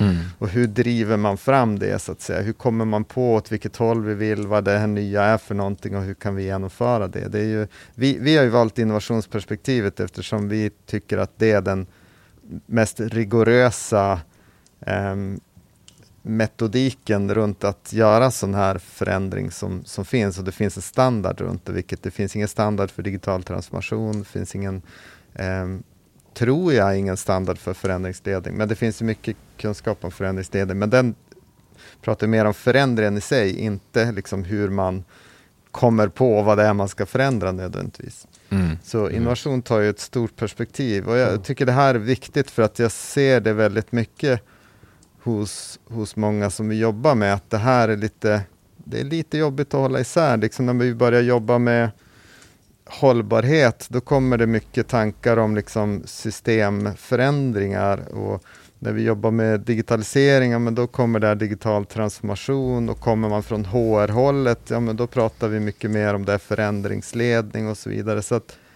det, det finns en massa kunskap som egentligen, man vet inte om att det är samma sak man pratar om. Och jag mm. tror att vi måste bli mycket bättre på att gifta ihop de här områdena och se alla alla likheter. Sen finns det specialsaker i alla de här liksom, områdena med, med, speciella metoder och saker som är, som är bra att ha, men man behöver bygga en ganska stor verktygslåda där man inte inte gör det här som isolerade öar, att man har det så här, mm. IT-avdelningen, ni ska driva digital transformation och eh, liksom, hållbarhetsavdelningen, ni ska ni ska driva systemförändring och, eh, ja, och så mm. vidare. För då, mm.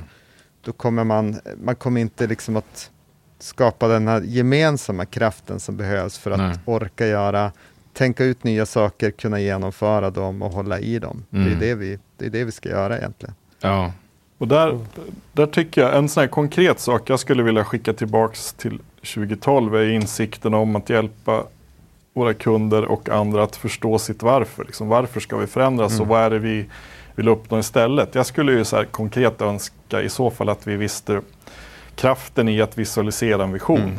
Mm. Att vi hade lite mer fokus mm. på det när vi pratade om transformationsprocesser med kunder och när vi liksom pratade om vikten att gå mer användarcentrerat. Liksom att vi ser ju det nu konkret, liksom, att det är en oerhörd styrka i de organisationer som har en tydlig liksom, visionsbild för ja, men vad är det vi vill uppnå med allt det här jobbiga förändringsarbetet. Vad är det vi vill ta oss med det här och hur ser det ut när vi lyckas? Mm. Det tror jag vi underskattade behovet av att ha det klart. Liksom. Det, det, tror jag är en sån komponent som har en väldigt stor påverkan. För det hjälper ju också till att liksom förena de här perspektiven som vi har varit inne på nu. Liksom att, okay, det finns ett HR-perspektiv på det här, det finns ett tekniskt perspektiv på den här förändringen. Det finns liksom ett rent så här, förändringsprocessperspektiv som behöver hanteras. Liksom. Men alla de här ska ju ha ett gemensamt syfte. Mm. Liksom. Vi måste ju ha någonting som gör att det inte blir liksom, subdiscipliner som fightas med varandra. Och liksom står, man får för sig att de står i konflikt med varandra, mm. vilket de ju inte gör. Nej. Eller att det är olika saker. Så det skulle jag vilja skicka tillbaka till oss själva. Där, liksom, att börja på, kika på det här med att liksom, visualisera målbilder och hitta liksom grundsyftet med varför vi behöver förändras och vad vi vill uppnå istället. Ja, kan vi börja i den ändan så är väldigt, väldigt mycket vunnet. Mm. Och det ser vi ju jättebra exempel på. Liksom. Nästan alla vi jobbar med tycker jag som har liksom bra framåtskridande i, sin, i sitt innovationsarbete har ju den här typen av målbild. Sen om det behöver inte vara vi som har varit där och hjälpt dem att ta fram dem. Liksom. Men de har koll, alla har koll på vart de vill med mm. det här. Och liksom, vad är det vi vill åstadkomma istället? Vart vill vi vara om 10-15 år? Hur vill vi liksom att det ska se ut i samhället i framtiden? Och det är det man jobbar med att liksom förankra in och det är det man använder som drivkraft för ett ganska jobbigt omställningsarbete stundtals. Mm. Och det skapar ju också, märker vi, mycket mer lust. Alltså de organisationerna har ju en betydligt större liksom, nyfikenhet tycker jag. Det verkar vara mer liksom, lustfyllda i sitt innovationsarbete än de som gör det för att av någon slags ångestskäl. Alla andra gör det men, och vi borde göra det men vet inte riktigt vart vi ska med det här. Så att, låt oss då ta de här små stegen. Vi övar och tränar och så tycker vi att det är jobbigt och så hoppas vi att det ska komma någon enkel lösning på den här jobbiga situationen och vi hittar liksom inte riktigt ur den. Så den passningen skulle jag vilja skicka tillbaka till oss själva. Liksom, titta på det här med visionsarbete och se till att börja där hos många av kunderna som, ni, som vi då upplevde som lite osäkra. Mm. Liksom, att det är kanske det de behöver först, reda ut varför ska ni göra det här? Liksom, mm. vad, vad vill ni uppnå?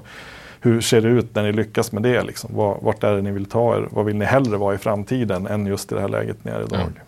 Precis. Ja, och den, och den typen av vision och den typen av process blir ju också ett sätt att borra ner i och liksom bottna i de här individuella och organisatoriska rädslorna och konflikterna som, som eh, ja. oundvikligen dyker upp.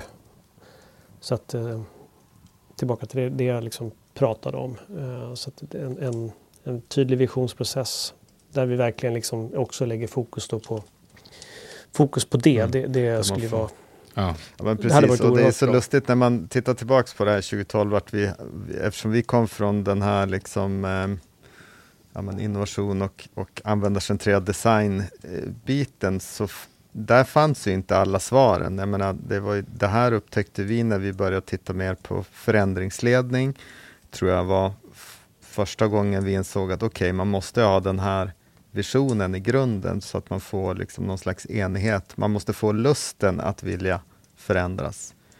Eh, och sen när vi kom in mer på, eh, på Future Foresight-biten så finns ju mycket djupare verktyg, liksom hur man skapar den. Men alla de här, de hänger ihop otroligt bra, liksom, men alla kommer med några liksom, egna pusselbitar till det här jättestora pusslet. Ja, precis. Mm. Ja, det slår mig lite grann nu, eller alltså, eh, ett, ett begrepp dök upp i mitt huvud som så här, innovationssilos är kanske lite det vi har hamnat i. Att det förändras mm. precis för att mm. vi, vi kommer från våra gamla stuprörsorganisationer med silon och sådana här saker.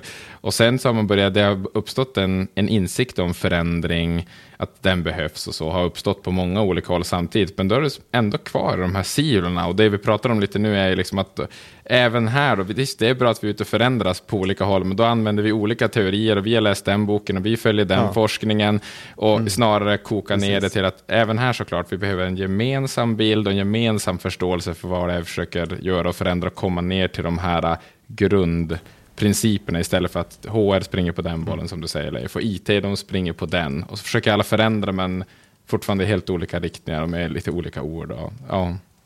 Ja men precis, det är, det är, mycket, en, eh, det är mycket språket här som är, är liksom grejen för det kommer alltid någon inflytelserik forskare eller bok inom varje område och så hakar ja, men de med hållbarhet de hakar på det här spåret och det här språket och den här liksom personens sätt att beskriva det och IT de hakar på det här sättet att beskriva och prata om det och, och så vidare.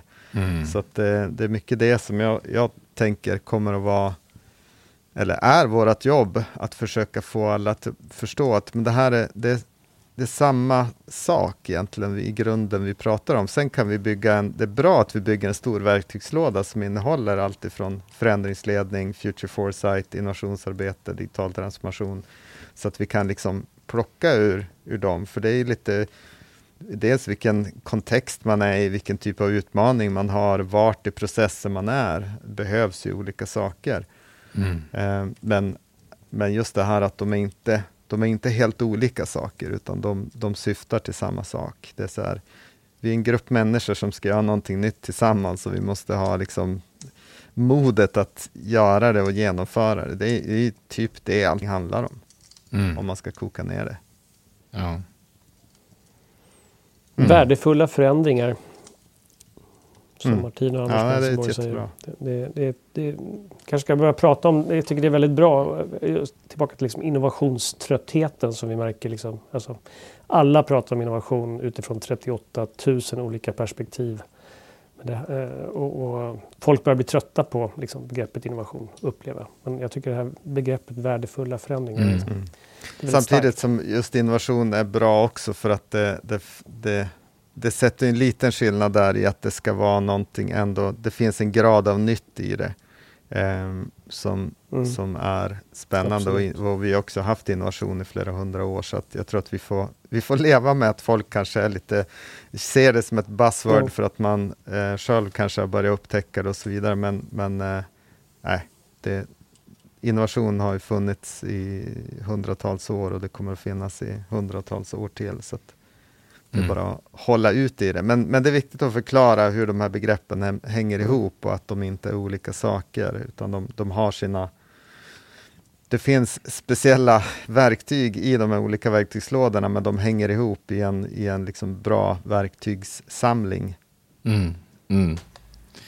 Ja, nej, det leder mig in på om jag... Jag hade inte tänkt sätta mig själv på stolen, men när jag satt och funderade över det här avsnittet själv. Det är det som är fördelen med programledare. Mm. Jag, jag, frågade ut mina gäster, frågade inte ut mig själv. Men när jag satt och funderade så tänkte jag på det här själv. För att jag själv 2012, jag var nystartad eh, entreprenör. Jag och eh, Per, eh, kollegan här på Learn Future som ni också har hört, i, vi drev ju företag tillsammans då på den tiden. Och man är ny och man är ute, man mm. lyssnar på allt, vad ska man läsa, allt sånt här. Och spring inte på alla bollar. Lite så här, fokus på de här grundläggande grejerna. Det är lite det vi kommer på här nu. Nu kommer en ny och nu den pratar om det här och det här begreppet och det här är så intressant och det och kan man lite ta ett steg tillbaka och bara vad handlar de här sakerna i grunden om mm. egentligen? Och det, det tror jag verkligen, verkligen lärdom också som man eh, definitivt kan stålsätta sig med in i nästa år och framöver också. Att det kommer att kastas ut bollar, begrepp, modeller om allt möjligt och sådär. Ja, det tror jag vi alla ska ta med oss att eh, ja, inte springa på allting och inte bli uppstressad av det heller. Att jag har det här nya, nu måste jag ha koll på det Nej. och allt det här. Alltså, sitta lite lugnt i båten och titta på de här fundamentala grejerna. Mm, ja, men precis, och kanske eh, titta lite grann en, en nivå upp. Vad är det egentligen för beståndsdelar i det här mm. som man pratar om? Ja, men det är någon typ av återkommande snurrande process. Ja, men det är någon typ av agilitet i det här. Just det, ja, men då liknar det de här. Då är vi inne på det här området. Men man kanske mm. syftet är ett annat eller utgångspunkten är en annan. Men eh, ofta kan man, om man kliver upp så, gör det och, och tittar på det utifrån en ett litet, ja men zoomar ut lite helikopterperspektiv på det så kan man ofta börja se att många böcker eller teorier eller något sånt, är, ja, okej okay, det här är ju extremt lika det här. Men det är kanske någon avgörande detalj som gör att det blir ett lite annorlunda utfall eller någonting eh, mm. är nytt. Som, det vi har kikat mycket på senaste åren är ja, men det här med pretotyping exempelvis som ju är, det är ju bara proto, det var ju liksom en ingenjör som upptäckte eh, designers sätt att göra prototyping men applicerar det på liksom det han tycker är supernytt kan ju vi som har varit länge i, i användarcentrerad design tycka att men det är inte så mycket nytt. Men det som var det nya i det var liksom en, nästan en detalj, mer att han, han applicerade det designtänket snarare på det här med viability, att testa affärserbjudandet snarare än att testa liksom eh, om, om det här kändes eh, det, var, det, var, ett mer konkret sätt att testa om skulle man köpa det här. typ. Mm. Och det blev pretotyping, men, men i det stora hela, man kan lätt se att ja, men det här är bara, det är bara ännu ett verktyg i, i prototyping-lådan. Liksom. Det, är inte, mm. det är inte någonting helt nytt som, som han vill få det att framstå som. Och det är så här med alla liksom, forskare, författare och annat, att alla vill ju få deras grej att vara otroligt speciell. Men när man börjar zooma ut och titta lite på det så ser man att om en, kanske 90 procent är överlappande med andra saker. Men det kanske finns någon liten detalj där som är bra att, att plocka upp och den kan man använda. Mm. Ja, det är då, om inte annat så det är ett, ett, ett löfte till dig som lyssnat här. Det är något vi i alla fall ska försöka fortsätta göra. När den, nästa boll kommer att eh, springa på nästa sån här ny teori eller någonting så försöker vi att sätta det i en kontext och, och eh, plocka ut godbitarna ur det. Eh, ja, hörni, det har varit, har varit ett jättespännande samtal, men nu, nu det knackar lite på dörren här och det är fler som vill in och dela sina lärdomar. Så jag, jag är, så, jag är så illa tvungen att eh, skjutsa ut er ur vår digitala poddstudio här nu. Eh, men stort tack hörni, GAM. GAM-gänget som sagt. GAM-gänget, ja precis. GAM-gänget.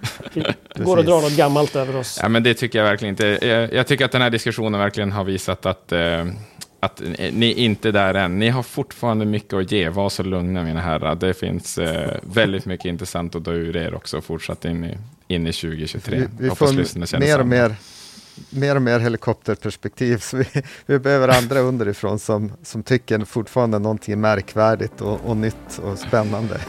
Bra. God jul! God jul på er! God jul! Hej! Johan Lager här som bryter in lite kort i det här poddavsnittet. Jag sitter med min kollega Per Lundgren som jobbar med vårt nyhetsbrev, transformationsbrevet. Jag ska tänka Per att du skulle få berätta lite grann. Vad är transformationsbrevet? Ja, men tack Johan, det kan jag göra. Transformationsbrevet är vår möjlighet att fördjupa innehållet från podden i ett nyhetsbrev. Så det är någonting som kommer varannan vecka i den som prenumererars inbox. Och där har vi alltså chansen att titta på de ämnen som har varit populära till exempel då i podden och göra det djupare helt enkelt. Okej, okay, så om man nu signar upp sig på det här nyhetsbrevet så kommer det varannan vecka. Och eh, vad kan man förvänta sig när man klickar upp det här brevet? Ja, eh, dels så kommer vi ju att utveckla det här över tid. I sann liksom, utforskande anda så kommer jag inte lova fast oss i någonting. Men tanken mm. är ju att den som är intresserad av innovation ska få innovationskunskap. Det är ju det att bygga upp sin verktygslåda helt enkelt. Yes. Eh, så att det man kan förvänta sig är ju dels snabba enkla tips. Det kan vara en länk till en artikel eller en bok som vi tycker är hjälpsam, som alla borde läsa. Eh, det kan också vara att vi fördjupar ett specifikt ämne från podden i video. Eh, Leif eller Johan eller Samuel eller Kalle pratar fem minuter djupare om plattorganisation eller om utforskande processer eller vad det nu kan vara. Men sen kan det också bli, ja, vi får se helt enkelt. Det kanske blir roliga saker från vår egen vardag om någon ser ett värde i det. Ja, det låter ju som att alla som är regelbundna lyssnare på den här podden borde signa upp sig så fort som möjligt. Men eh, hur gör man då det på enklast sätt? Ja, enklast är att gå in på hellofuture.se. På vår landningssida där finns det ett formulär och där kan man fylla i sina uppgifter och då är man igång. Toppen Per. Så gå in nu på www.hellofuture.se och signa upp er på transformationsbrevet. Då har vi roterat i julstudion och från det gamgäng som satt här innan pausen så har vi ungt fräscht blod, i alla fall i eh, Hello Future-sammanhang som sitter med mig här nu i studion. Och så sen så behöver vi lämna allas fysiska skick och ålder och allt sånt där utanför det och eh, välkomna två av mina nyaste kollegor då, Anna och Rich. Välkomna. Tack så hemskt mycket.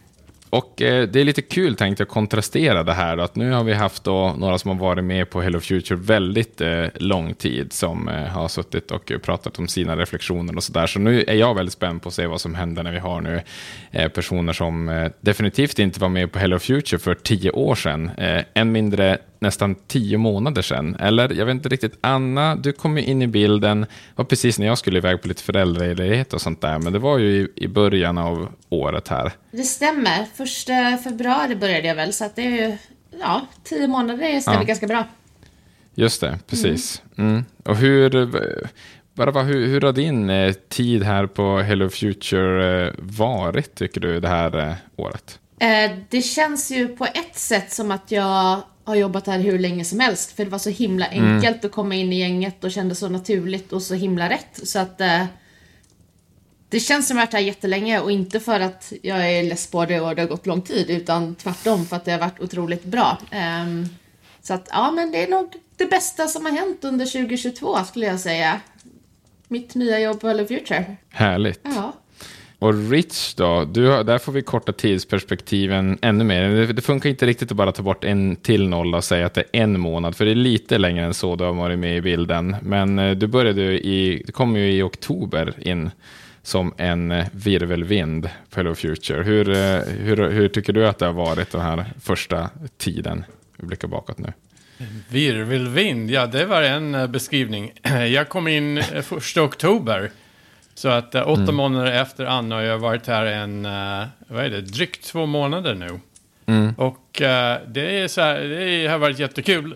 Det händer mycket. Jag har massa funderingar. Jag har den här känslan som jag ställde frågan. Tänk om jag, jag kom tillbaka till Sverige, återvände till Sverige 2017.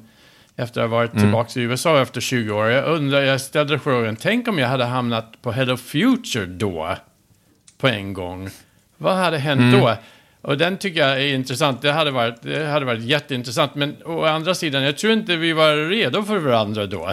Så att jag tror inte mm. att det hade faktiskt lyckats när jag tänker efter. Men jag är jätteglad att hamna här och, och den har varit jättekul än så länge.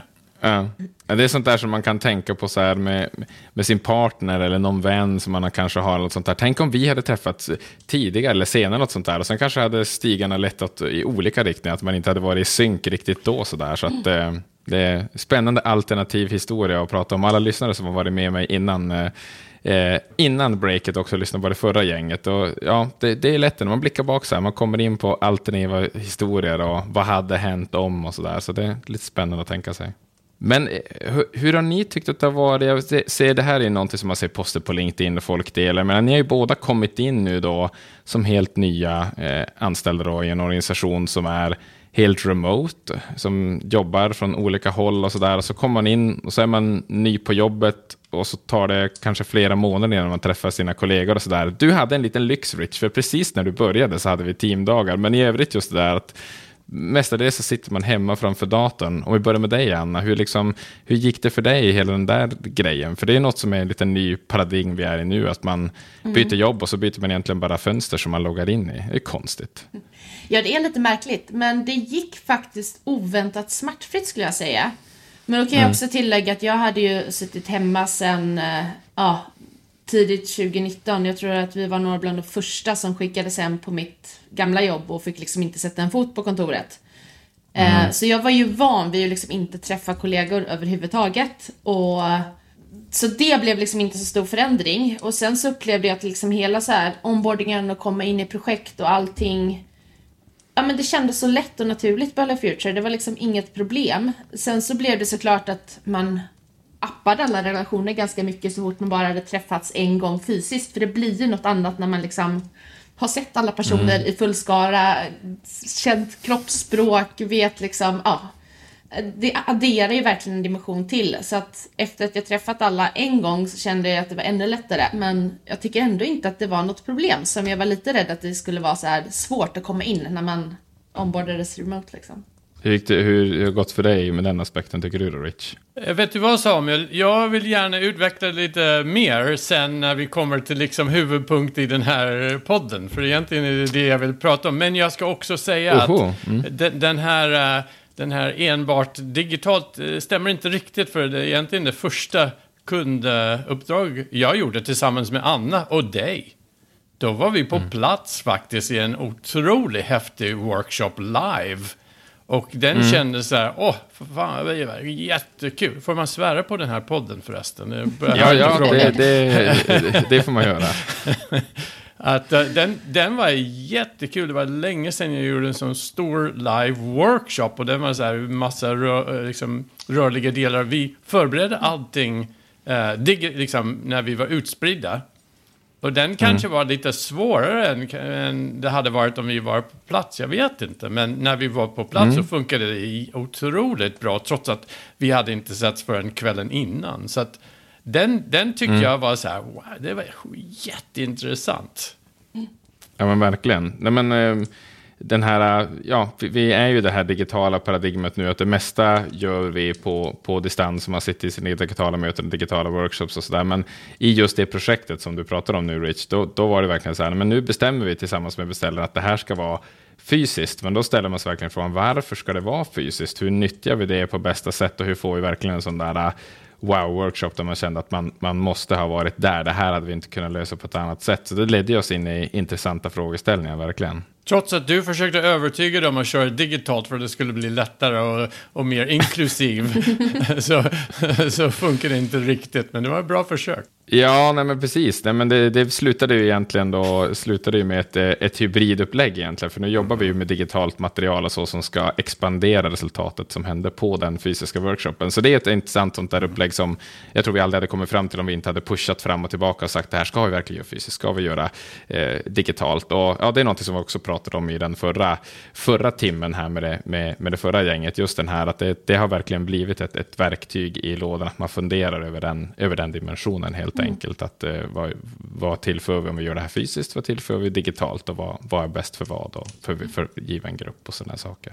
Men du Rich, jag menar, nu har ju du bollat upp här så himla fint och eh, redan sagt att vi tassar som katten runt het gröt vad gäller din insikt här. Så då ställer jag den här frågan till dig då som eh, alla lyssnare är väl bekanta med det här laget för poddens tema. Vad du önskar att du hade vetat 2012 som du vet som du skulle vilja skicka tillbaka till dåtiden. Vad har du för reflektion som du vill dela med dig av på det temat? Ja, Samuel, jag ska erkänna att när du ställde frågan först till oss, liksom att tänka på, jag kände eh, rätt så stort motstånd. Så här, vadå? liksom, jag, jag har gjort eh, små lärdomar och misstag hela tiden. Det är ingenting riktigt jag ångrar. Så här, lite Edith Piaf, je, je ne regrette rien. Och sen börjar man mm. tänka efter lite grann. Så att eh, om man skulle gå ännu längre tillbaka. Jag kommer ihåg 1997 så hade jag tror jag, 20-25 000 kronor. Och antingen skulle jag köpa en dator eller investera i Apple-aktier. Och jag tänkte, äh, jag vet inte om Apple liksom överlever så mycket längre till. Så jag köpte en, en ny Mac. Och uh, ja, de där 25 000 hade varit värt liksom 5 miljoner idag. Så den, den ångrar jag faktiskt. Att jag inte riktigt visste det. Men jag har inte gjort så många av sådana så här, om jag visste, vad, visste jag. Men jag, nu när jag tänker på den och du är inne på det. Jag önskar 2012 att jag hade vetat att det, hade, att det skulle komma en pandemi och lamslå hela världen så att vi skulle jobba hemifrån. Och varför mm, önskar jag det? För jag önskar inte pandemi. Det har dödat jättemånga människor. Det har varit totalt katastrof för liksom hälsomässigt. Men däremot arbetsmässigt där tycker jag det har varit mm. en jättestor vinst. Varför det? Jo, 2009 så startade jag ett eget digitalbolag. En virtuell digitalbolag. Jag var i lilla Vermont, jag hade en uh, art director, jättebra, men talangen fanns inte där. Så jag fick liksom dra in massa folk från hela USA och Kanada och även Sverige och byggde ihop de här virtuella team. Vi träffades aldrig. Och även klienter, jag hade väldigt många klienter jag, träffade, jag hade aldrig träffat. Och det var jättesvårt att få folk att förstå att det här faktiskt var någonting bra. Jag kommer ihåg svårighet att, att få någon att använda Skype. Mellan mm. 2010 och 2012 var det så här jättemotstånd, det var liksom, man litade inte på teknologi, man, man ringde upp varandra. Jag kommer ihåg, det fanns någonting som heter real time boards, det är sån här virtuell whiteboard. Nu heter, mm. den, mm. nu heter den Miro. Jag kunde mm. inte få mm. någon att använda den. Jag var så här, titta här. Nej, ingen ville göra det. Så hade jag vetat att, att egentligen att det här skulle bli av, då, då, då skulle jag ha lagt upp en hel del annorlunda. Uh, för att uh, jag kände att jag var väldigt väl förberedd för det här, men, men jag bara hamnade i den istället för att styra i den. Och uh, mm. Uh, och, och att, att, komma in i den tyckte jag, jag, jag, har, jag har trivts väldigt bra. Jag har också sett att mycket av det arbete jag har gjort virtuellt, workshops, idégenerering, liksom pro projektarbete, resultat i de här virtuella grupperna med virtuella verktyg har blivit mycket starkare än när vi gjorde det mm. live. Mm. Och det kommer ut äntligen mm. research om det som visar att liksom, utspridda team det finns en fördel att inte vara tillsammans, framförallt för alla introverter eh, får mer plats och, och, kan utveckla bättre idéer. Jätteviktigt. Mm. Så, mm. så att jag, jag, jag har trivts. Jag tyckte att det var självklart man saknar människor då och då. Men liksom arbetsmässigt, jag önskar att jag hade vetat det. För när den kom, hade, om jag hade varit lite mer förberedd, hade, hade gått liksom... Eh, hade jag kunnat haft mycket större möjligheter att... Eh, att uh, ja, ligga lite längre mm. fram. Det, Det här är ju jättespännande då, för i, i, innan pausen här så ville ju Leif skicka tillbaka någonting lite på samma tema till sig själv. Just så här att jag önskar verkligen att vi hade ifrågasatt det här med att man måste göra saker fysiskt istället för att man kan faktiskt göra saker digitalt. Att det, det skulle han också vilja skicka tillbaka till sig själv. Så då kom vi lite in på den här diskussionen och så här, vad hade hänt om man hade försökt och så. Men du var ju där verkligen då på frontlinjen ja. och försökte de här grejerna, Rich. Men vad, vad, var det som det satt i då? För du sa så här, är det, är det tekniken var helt enkelt inte där, eller är det ju människorna, det här motståndet som sen pandemin raserade den muren? Eller vad är, vad är din bild av vad som, vad som krävdes för att vi till sist skulle kunna göra det här skiftet? Då? Hade det funkat att göra det tidigare om man hade tänkt annorlunda? Nej, det hade inte det. Det, det, det, var det, som var, det var det som var grejen, att även om man hade vetat det, det hade inte ändrat mm. någonting 2012. Det är det, det hade Nej. inte ändrat, men däremot när den slog till 2020, hade man vetat det, då hade man varit mycket bättre förberedd att, förberedd att, att, att ta, ta hand om de möjligheterna som då dök upp i och med att allt blev digitalt. Och I och för sig, jag gjorde det till viss del, men hade man vetat det, man kunde verkligen ha maximerat den och, och legat ett steg framför alla var så här, oj, oj, oj, vad fan ska vi göra nu? Så, så det är mm. ingenting då, Samuel, folk var inte beredda, de behövde inte det. De var inte tvungna till det, det var liksom, eh, liksom minsta motståndets lag. Det spelar ingen roll, man, man, som sagt, i innovation och design, vi ser det hela tiden. Tills folk har upplevt det, då, upp, då förstår de inte varför man ska göra det, hur viktigt det är. Tyvärr, tiden var inte rätt. Och allt, särskilt innovation, allt har sin tid. Mm. Innovation är mm. tidsberoende och just den här var också tidsberoende. Så att, mm. Men, men mm. som sagt, hade man, hade man haft det lite mer förberedd 2017, 18, 19, pang, då hade man verkligen mm. kört hårdare. Ja, och där tänker jag ändå någonstans så... Jag upplevde i alla fall när pandemin kom att vi på Hello Future i alla fall, jag vet inte hur ni kände, men eftersom man har varit i framkant nyfiken, man har testat de här som du nämnde Rich, man har testat real time board slash, slash Miro då, tidigare, så att det fann, man låg ju lite i startgropen för det, att man mm. var inte helt sådär, så att det var ändå någonting, jag tyckte att det var någonting spännande när pandemin väl kom, att ja men fasken, nu tvingas vi ju till att, till att testa det här ändå. Och det har ändå legat och grott att det finns någonting där, för nu börjar det finnas verktyg och sådana här saker. Jo, det, bland det första Samuel som hände i, när pandemin slog, jag hade eh, ett kontrakt med Open Lab, KTH. Och eh, mm. det var för liksom live-träningar. Eh, och nu börjar man inse att det där skulle inte gå, så på en gång så att låt oss erbjuda liksom, virtuell träning i, i virtuell facilitering. Mm. Och, och, och den var, den var liksom... I och med att jag hade lekt med så många av de här äh, verktygen förut, då var man lite före dem. Men man märker ändå att det tog folk jättelång tid att våga. Det fanns massa interna tekniska grejer. Och eh, som sagt, folk var lite för fokuserade på själva verktyget. Mm. De vill att man ska mm. hålla handen och hur använder man Zoom och sådär. Och egentligen är det så här, Ja, det är inte så svårt egentligen om man vågar. Så att den tyckte jag, den var e- e- ett resultat att, eh, att man hade vetat lite mer 2012. Var, kunde man liksom erbjuda kurser på en gång. Jag vet inte hur mycket det hjälpte ärligt talat. Folk fick mm. liksom traggla sig igenom det ändå. Ja, ja det, det kanske är, och det, jag menar, det där tycker jag man funderar ofta över när man blickar tillbaka på sådana här saker, och även tänker nu att finns det saker i nutiden som är sånt att man ska man fortsätta att stånga sig blodig för att här kan jag genom det göra en förändring, här kan jag få till någonting, eller är det faktiskt så att vi står och stångas mot någonting där tiden är inte mogen, eller folk, och ofta med tiden inte mogen tänker jag att en stor del av det är att folk är inte beredda att förändra ett beteende eller sådär. Men det är svårt att veta, är det det ena eller är det det andra? Det är ju, man reflekterar ju mycket när man blickar tillbaka så på sånt som man, som man står i nu. Och det är inte det lättaste att veta vad, eh, är det här något jag kan förändra nu eller måste det helt enkelt låta det ligga ett tag?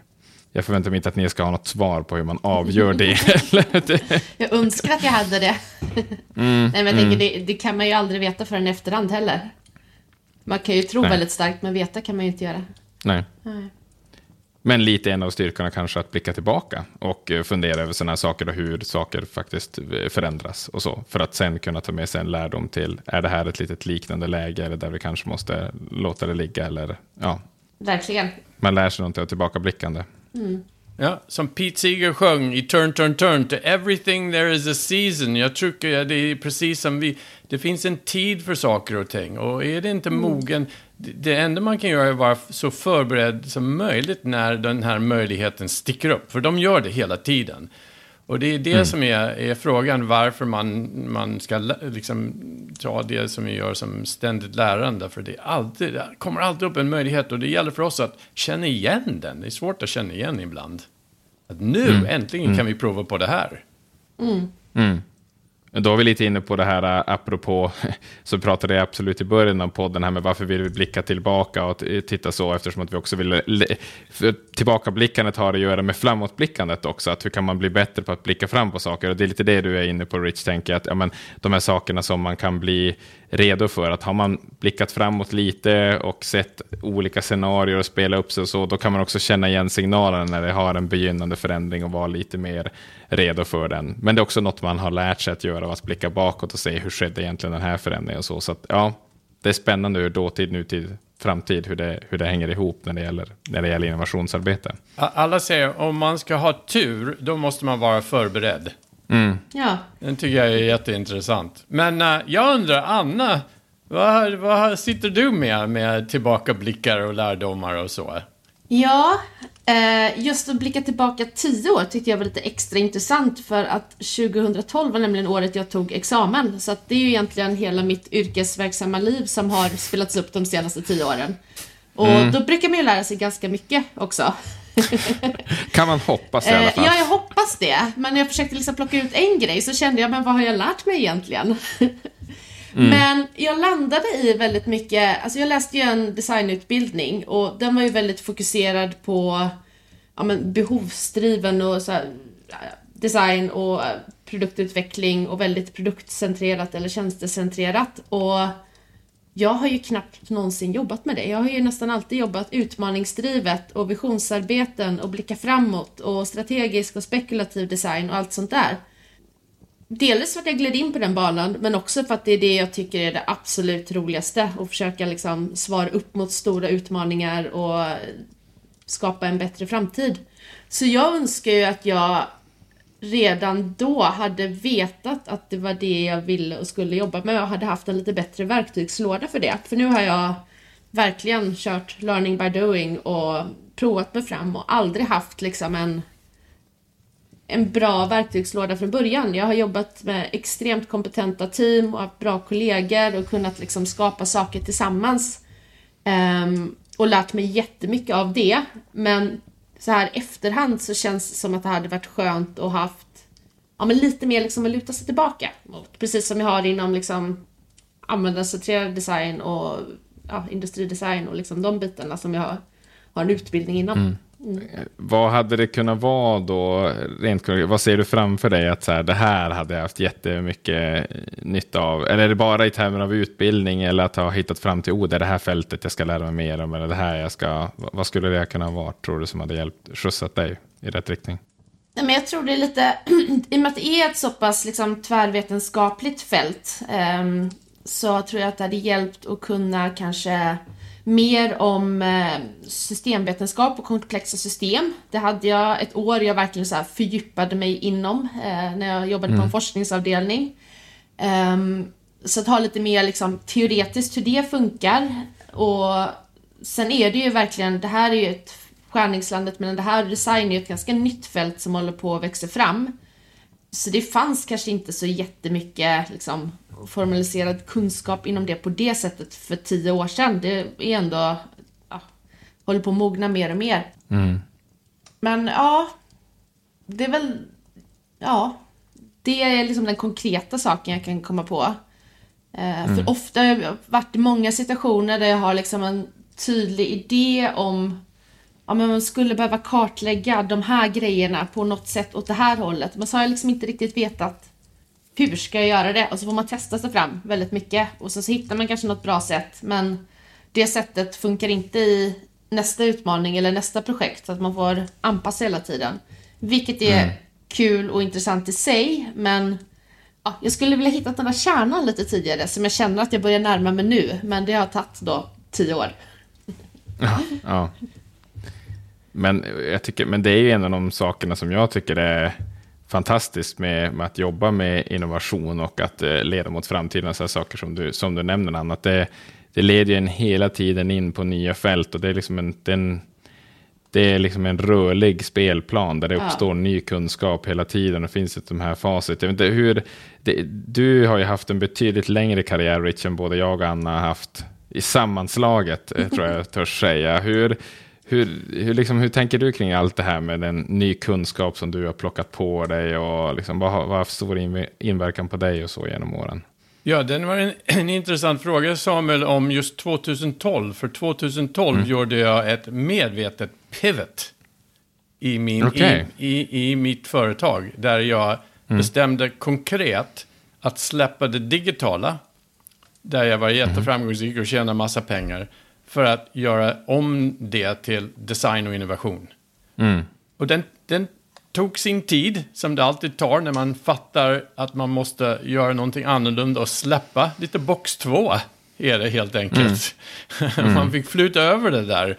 Och, eh, och den, liksom, den tog ju sin tid att förstå dels att vad man vill göra och sen vad man skulle göra för att nå dit. Och det tog ju lite tid. Och sen kan man tänka sig, åh, tänk om jag hade vetat det här 2002 vad hade hänt då? Och vad hade hänt mm. var att det hade inte funnits tillräckligt mycket stöd och underlag för det. det jag hade hamnat i någonting helt annat som var inte riktigt design. man, kan, eh, man kommer ihåg att liksom the D-school som bygger underlag på mycket av det vi gör, den, den fanns inte 2002. Nej. Då är den bara en idé.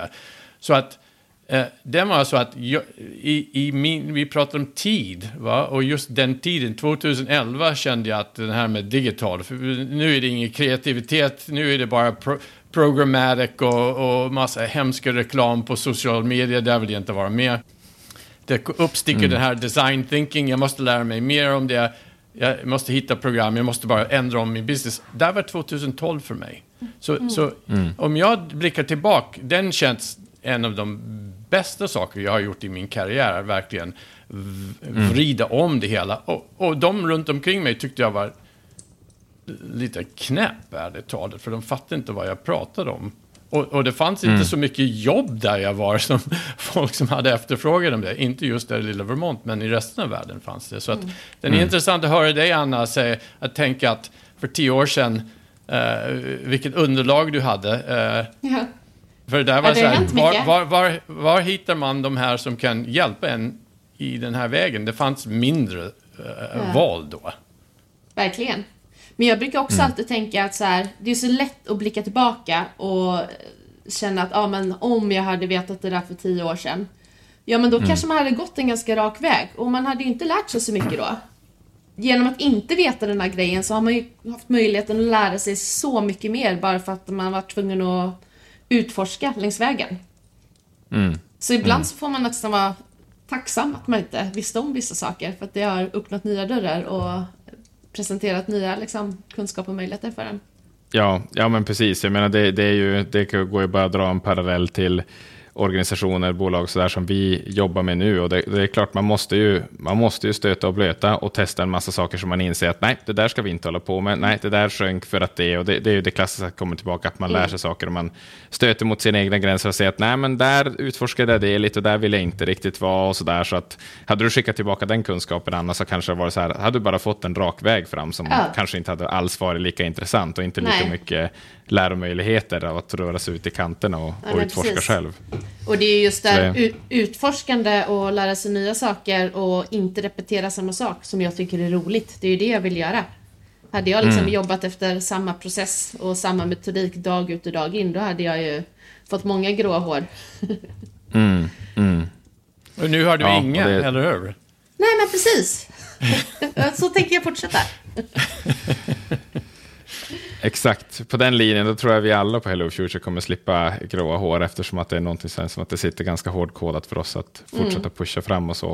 Men jag tycker det är spännande din historia Rich där och när du, när du gjorde det skiftet och sa att nej, men, bort från det digitala som du sa och in i innovation och, och design thinking, då var du också ute på det var en helt egen läroresa eller så? Eller fanns det någonting vid den tiden du kunde vända dig till att ja, men här, hit eh, går jag för att plugga Mm. på det här eller så? Eller, var det, eller blev det learning by doing då? Hur, hur tog du det fram i det där då? Ja, först var det learning by doing och det är liksom, man hade en massa bra exempel runt omkring så den var, det handlade framförallt att, att föra in det i min eh, affär. Eh, och eh, jag, kom- jag började 2012, eh, intressant nog, att, att jag brukar skapa sådana här evenemang om olika saker, om, om framförallt social media och sådär. Så att i, jag tror det feb, februari 2012 så körde jag någonting jag kallar för en social hack. Och eh, det var, Mhm. ma- jag, jag tog liksom en design thinking-upplägg. Jag bjöd in så här riktigt smarta människor och sen hade jag 75 människor i, vad var det, sex olika team. Som hade en utmaning som handlade om mat. Och då gick de igenom en designprocess för hela dagen. Och det var så här skitroligt och liksom ovanligt. Och, och, och, och jag började göra mer och mer av det tills jag insåg att jag behöver någon slags, jag upplevde i alla fall, att jag behövde någon slags liksom, godkänd stämpel på det jag gjorde, någon utbildning och så. Och sen, jag hade tur nog, nog att eh, jag hade ett kontor som eh, hade en ledig plats och jag hyrde ut det till en av mina eh, bästa vänner som och råkade också vara min coach i många år. Och hon och jag alltid hjälpte varandra i liksom karriären. Hon, var, hon, hon är fantastiskt duktig men hela tiden var så här, vad ska jag göra? Så vi försökte hjälpa varandra. Och jag kommer ihåg det var en gång där i mitten av 2012, jag sa jag måste ha den här. Var är det? Finns ingen. Och hon hjälpte mig liksom att hitta de här eh, eh, olika program. Och jag hittade en som passade bra. Det var ju San Francisco. Jag fick åka ut en gång i månaden. Den kostade inte skjortan. Och eh, den, var bra, den var jättebra för mig framförallt. För den gav mig en eh, påhittad liksom, eh, eh, tro på att det här, här kan jag göra. Och eh, den, den var mest bra jag fick bara öva på olika saker. Egentligen var det som alla skolor, man fick prova på och öva på det. Men eh, den var bra, det var en bra underlag tycker jag. Så att det, det, det, den, det, 2012 var att försöka hitta, okej nu vet jag vad jag ska göra, hur gör jag nu? Och det var 2013s arbete. Ja, men jag tänker det du, det du sa, där vi har varit, du, du nämnde ordet mod där igen, alltså jag, och, och det pratade vi om i förra delen också, vi pratade om i senare, senare tid också i, i tidigare poddar om mod, och jag menar, man, man ska ha tur för att eh, ly- lyckas med innovation, nämnde du Rich, men jag tänker man, man ska också ha mod och de här att bara ta ett kliv ur och nu testar jag det här, nu utforskar jag det här fältet, alltså det, det är också någonting som eh, som man verkligen ser när man blickar tillbaka på och hör sådana här historier. Att man bara, ja, men jag, jag vågar, jag testar det här formatet. Jag, jag testar att kliva ur en bubbla och, och se vad som händer. Det, är- det är en så central ingrediens i, i allting för att hitta de här vägarna som man sen ser i efterhand. Men, men sen tror jag också viktigt, Anne, du var inne på där, eh, att du vill inte hamna på ett ställe du ska göra saker om och om igen. Och, och det, känner, det har varit liksom hela led, ledtråd genom min, min karriär. Jag ska ha kul och jag ska vara kreativ och jag ska jobba med bra människor. Eh, Hamnar jag på ett kontor där jag liksom eh, får göra om och om och om igen. Även om man kan tjäna massa pengar och få hög status. Ja, det- ja, den tråkar ut mig enormt. Ja. Jag klarar inte av det. Så jag söker hela tiden Samuel, de här ställena som känns lite konstiga och, och annorlunda. Kanske. Men det, pa- ingenting annat passar mig har jag upplevt på gott och ont. Kanske hade det varit bättre om jag var lite mindre så, men eh, vi får se. Det hade inte varit lika kul. Nej. Nej. Nej, och det är ju som jag sa tidigare, det är någonting som vi på Hello Future i alla fall försöker ha in i vår... Det är injobbat i vårt, eh, i vårt DNA på något sätt. Och sen eh, att, att hela tiden utforska och försöka våga ta dem där och testa de här nya sakerna och para ihop sin kunskap med, med nya fält och så. Man kan ju undra var kommer det ifrån? Det kanske beror på en sån här sak att ni är helt nya på Hello Future, ni är inte så påverkade av kulturen här, utan det är ni som för det här med er in. Det är kanske också därför ni har hittat Hello Future, att det finns en, en likhet där. Så, ja, jag ska, det- jag ska säga att jag har hittat, det också det kommer bara in för ett samtal med Leif under sommaren och det var så här, just det, det här, här, här säger vi samma sak på olika sätt. Så här verkar vara en, en kulturell grund som liknar det som jag strävar efter. Det är klart jag ska prova på det här. Så det var en grej. Och sen får man se, stämmer det verkligen? Så, och jag ska också erkänna, det första jag kommer in med är liksom, jag har haft eh, olika idéer att köra en grej. Och då får man, precis som vi pratade om, plötsligt ett tillfälle att göra det. Och då, jag ska, vara- ni ska veta hur tacksam jag är att ni var med. Och bara, ni bara gick, ni, ni bara tyckte att ja, det här är bra och så körde ni bara upp det och tog det åt olika håll och gjorde allting mycket bättre. Den är inte så vanligt ska ni veta. Det händer inte alltid, särskilt när man kommer någon ny och säger hej, jag har en, den här konstiga idé. Så att den, den kulturen fanns liksom hos dig Samuel, hos dig Anna och hos Johan och Tobias. Liksom, den är ovanligt och jag tror det är det som gör Hello Future så, så speciell. Att man, man, man vågar och, och att man, man går med liksom andras knasiga idéer. Det ser vi hela tiden.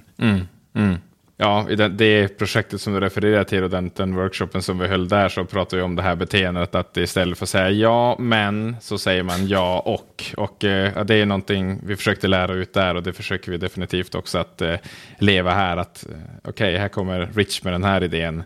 Eller det här kommer med den här. Och, ja, och vi kan också göra så här. Så bygger man på. Ju fler olika fält man har varit ute och utforskat och man har kunskap från, från den verktygslådan och från den verktygslådan och så parar man ihop de här sakerna. Och det är ju ja, det är, det är en grogrund för att få bra, bra saker att hända. Det, det, det, det ser ju vi liksom både, ja, det är någonting som innovationsstandarden på sitt kanske lite eh, torra och strikta vis säger att det är så. Och det upplever vi också i, i, i vår vardag. Så därmed försöker vi föra in det också ute hos alla organisationer som vi jobbar med. Att det är verkligen en, en grundförutsättning för att, för att få till innovationsarbete. Eller framförallt för att få till riktig innovation. Då, att det blir någonting av det i slutändan. Jag, jag har bara Ja. upplevt det tidigare med vissa filminspelningar och filmteam jag jobbar på, inte alla. Att man kan eh, komma i, tillsammans som ett nytt team och skapa något väldigt spännande tillsammans. Eh, Det ser jag knappast i, i, i, i verkligheten. I olika kunder och organisationer. Eh, det händer väldigt sällan. Så att den, den här snabbrörliga, improvisatorisk sätt man jobbar ihop, den, den, är, den är liksom en, en, en utmärkande drag på Hello Future. Eh, också som vi försöker mm, lära våra kunder att använda. Men jag tror inte att vi är så medvetna om det kanske. Jag vet inte. Den, den tycker jag är otroligt stark. Nej, jag tror nästan att vi kanske tar det lite för givet åt oss själva för att vi är såna och alltid har varit såna, alla vi som jobbar här. Eh, och då reflekterar man inte lika mycket över det, att det faktiskt är så vi funkar. Så jag, jag tror att det är väldigt bra att belysa det och aktivt försöka sprida det sättet att jobba också. Den, den kopplas tillbaka till det vi pratade om tidigare, att man har liksom olika idéer och när man ser en möjlighet, man kan röra sig snabbt mot den. Den, den handlar just om den här, den här tankesätt och agerandesätt. Ja, det är in- intressant om man eh, tittar tillbaka. Alltså, men nu di- diskussionen hamnat på det utifrån det vi har sett när vi blickar tillbaka och sådana saker. Och just vikten av att kanske ha den. Att man, man vet inte allt vart vägen bär och sådär. Men har man någon sorts bild av vart man vill och de här sakerna. Ja, då kan man agera på det så känner man att det där är rätt riktning att ta. Jag vågar ta det här eh, klivet som kanske är lite obekvämt, som kräver lite mod, för att jag har någon sorts känsla att det, det är ditåt som är, som, är, som är rätt riktning, att det kommer att ge något, ge något intressant. Eh, vilket ju kommer ner till hela den här delen, varför vi tycker det är så viktigt att jobba med de här målbilderna och visionerna med våra kunder som ska vara ledstjärnor i, i innovationsarbete. Sen, sen tycker jag det är spännande liknelsen du gjorde Rich. Och nu måste jag säga att nu, nu ska jag göra en parallell som jag, jag är osäker. Har jag, har jag läst det här i en bok? Har jag hört i en podd? Har jag hört i någon av våra egna poddar? Så att det är så här, men det var någon som pratade i alla fall om det här med framtidens arbete kanske mer och mer som att man kommer ihop sig och ungefär som att spela in en film. Att det är ett team som uppstår där och då. Den skådespelaren här, den här. Och så har du regissören, the director som står i mitten, som måste hålla ihop allt det här. Och vad är nyckeln då? Det är liksom den här kreativa visionen av vad det är vi ska skapa tillsammans. Och så uppstår det där och då. Och får man ihop det så kan det bli magi på, på, TV, på, liksom på bioduken sen eller på liksom tv-skärmen. Eller så får man inte ihop det. Och det är något som ska uppstå där och då så liksom splittras man ut. Och det, det finns ju någonting i det, apropå den liknelsen du gjorde där Rich. Att det, det är lite så. Man, man kommer ihop sig och så skapas innovation utifrån den här kreativa visionen som någonstans måste stå i centrum. För det är inte så mycket annat man har. Men många kanske inte har jobbat med varandra tidigare och man kan ha lite olika förväntningar och kultur och sådär. Ja. Kanske titta mer på filmbranschen framöver. Hur gör de för att få ihop de där produktionerna? Ja, Det var, det var, det gamla, det var det gamla svenska filmbranschen. Den nya fungerar eh, lite för mycket som den amerikanska nu. Den är väldigt stort och specialiserad och lyfter inte den här lådan och tyvärr. Mm, precis. Så vi ska, nästa fält vi ska utforska och lära oss av filmbranschen så som den fungerade. äh, Jag vet inte. Det här kan du uttala bäst om, bäst om Rich. Vilken som var den golden era där vi ska hämta kunskap från. Det är i alla fall inte 2020-talets Hollywood i alla fall vi ska inspireras av, tror jag inte heller. Ja, hörni, mycket spännande att reflektera över allt sånt här, hur man hamnar där man hamnar och hur lever det oss sen in i framtiden. Och det är väl lite det som jag och Johan ska prata om nu här till sist i den här podden. Hur, hur kopplar vi egentligen ihop det här äh, dåtidsblickandet med framtidsarbete och så, så. Och det ska vi också utforska mycket i poddar här framöver, bland många ämnen, andra ämnen givetvis. Men som sagt, dåtid, nutid och vart vi tar oss i framtiden, det, det hör verkligen ihop ju mer man, ju mer man blickar tillbaka och tänker på det. Ja, eh, ni ska ha eh, stort tack i alla fall. Vi ska göra eh, den här julpoddens sista eh, skifte och eh, ta tillbaka Johan. Men eh, stort tack hörni Rich och Anna för de här reflektionerna för att ni delade med er. Tack själv. Tack Samuel, tack, tack Anna.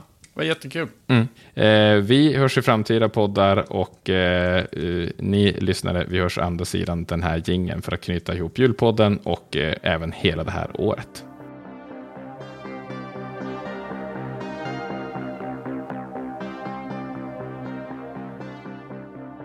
Då så, då sitter jag här igen med endast Johan alena och det är dags att eh, stänga igen det här året. Men eh, Johan, ja, välkommen tillbaka för det första in i den Tackar. virtuella studion. Eh, men det är ju inte mer än rätt än att du också ska få den här frågan som alla andra i avsnittet nu också har fått. Och jag lite halvers ställde den till mig själv där också, så jag fick också vara med på ett hörn och dela någon reflektion. Men så Johan, vad känner du att du önskar att du hade vetat för tio år sedan? Ja, precis. Jag har funderat lite grann på den här frågan och, ehm, och det har väl lite grann med vad vi har pratat om också på Hello Future sista tiden kring liksom den mä- mänskliga faktorn också där igen, liksom att vi människor är det som kommer göra innovationen i slutändan. Eh, och ehm, liksom den röda tråd som jag ser i olika tjänsteutvecklingsprojekt och så vidare som jag haft sedan 2012 är att det varit... Jag har ju först haft typ två av världens bästa arbetsplatser under de här tio åren då. Hello Future och min förra.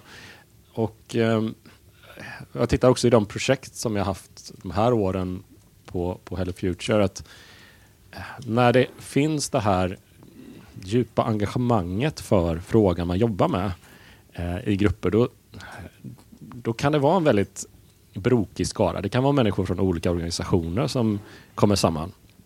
Men när engagemanget finns, när drivet finns, eh, då ger det ofta väldigt bra resultat. Eh, och det är inte alltid att allt realiseras, men det, är, det finns någonting, det sker någonting där som alltid leder till något annat. För att när människor vet på något sätt eh, sin, sin roll och att de kan bidra, det är så enormt viktigt. Och att man ska inte egentligen underskatta det här, vikten av det här engagemanget. Det ska jag säga är en väldigt stor lärdom för mig. Eh, och även för mig själv och att man måste ta vara på det här engagemanget. För att eh, det, det, det kan gå åt olika riktningar. Det kan, det kan verkligen driva på en process eh, och driva någonting till att bli väldigt lyckat. Men det kan också vara någonting som, när man inte får rätt eh, förutsättningar för det eller någonting som går fel, så är det också engagemanget som kan till och med bränna ut människor. För att de, de liksom älskar att göra någonting, de vill väl, de vill skapa förändring. Eh, får man inte rätt förutsättningar så är det också där risken också blir att man, eh, man eh, liksom inte kommer i mål. Och jag sitter och läser då The Strategy Activation Playbook här av Eric Wood och Explain. Som jag bara precis börjat men då står det why, första, första kapitlet då handlar om varför strategier inte lyckas. Då. Och det är precis det här, och därför det bara så här dök upp också, bekräftade det jag satt och tänkte på. Att Ja. liksom, de här strategier eh, misslyckas när medarbetare inte eh, förstår sin roll eller förstår sin liksom, ehm, koppling till den vision eller det värde som organisationen vill skapa. Eh, och vi Ja, jobbar ju precis. med offentlig sektor där det finns så många engager engagerade människor eh, som vill skapa Mm. eh, någonting. Och jag har haft förmånen nu under det här året då, få vara ute lite grann och träffa kunder. Jag får eh, tala på lite konferenser och Eh, jag har varit med i lite olika sammanhang där jag träffar personer som lyssnar på Transformationspodden. Och det är ju liksom, det är inte svårt att se att det är människor som, som brinner för någonting, som har det här engagemanget. Eh, och har man inte det, är man- är man i en grupp eller har en chef eller så vidare, man märker att här finns inte den här överlåtelsen, så är det inte så heller att det betyder att den personen är emot eller är liksom direkt. Man blir ju en bromskloss om man inte har arrangemanget. Men det är inte alltid medvetet så, utan det kan faktiskt vara så att personer eh, bara inte förstått vad har jag för roll att spela där? Vad är min uppgift? Liksom? Vad, eh, hur kan jag få ett, de har kanske inte fått ägandeskapet i det. Ehm, och det bästa sättet jag har sett, eh, något av det bästa sättet jag har sett att, att, att skapa engagemang som jag har lärt mig under de här åren, det är att, att liksom vända eh, lyktan utåt mot målgruppen. Alltså den här empatin man får genom att förstå sin målgrupp. Och så jag har pratat om det här flera gånger i podden naturligtvis. Eh, liksom förstå sin målgrupp, empatisera, skapa en berättelse kring den målgrupp man ska skapa värde för. Eh, Ja. det, där finns en väldigt stor nyckel. Men det räcker inte helt heller. Utan man måste ändå gå till individen och se det. som vad är min plats i det här? Ehm, Ja. Och det, det tror jag också för mig själv. För min egen del har jag sett att, att eh, det engagemanget jag har haft har, har inneburit att, att jag har kunnat lyckas med många väldigt roliga, bra projekt. Men det har också inneburit att jag ibland har under de här tio åren stött på en del hinder som har gjort att jag varit nära att bli utmattad. Ehm, Så det, man måste vara rädd om sig själv, helt enkelt. Ja, Ja. precis. Det är många, många reflektioner inne i en reflektion så att säga. Men jag, jag, Mm. jag förstår ju vad du är ute efter, hel, helheten så att säga. Men vad, vad tror du, om du skulle ställa det här i kontrast till eh, Johan 2012 då? Vad, eh, tror du att du hade en liksom, för låg respekt för det här då eller Mm. var mer fokuserad på något annat istället och missade den här eh, vikten av den här män, mänskliga och individuella engagemanget och lite teambygget kanske du är inne på också, liksom att det eh, faller ihop. Vad, Ja, precis. Både, både och. Egentligen så är det det att det är lätt när man, eh, att man söker ehm, modeller, man söker struktur. Och det är eh, naturligtvis väldigt, väldigt bra.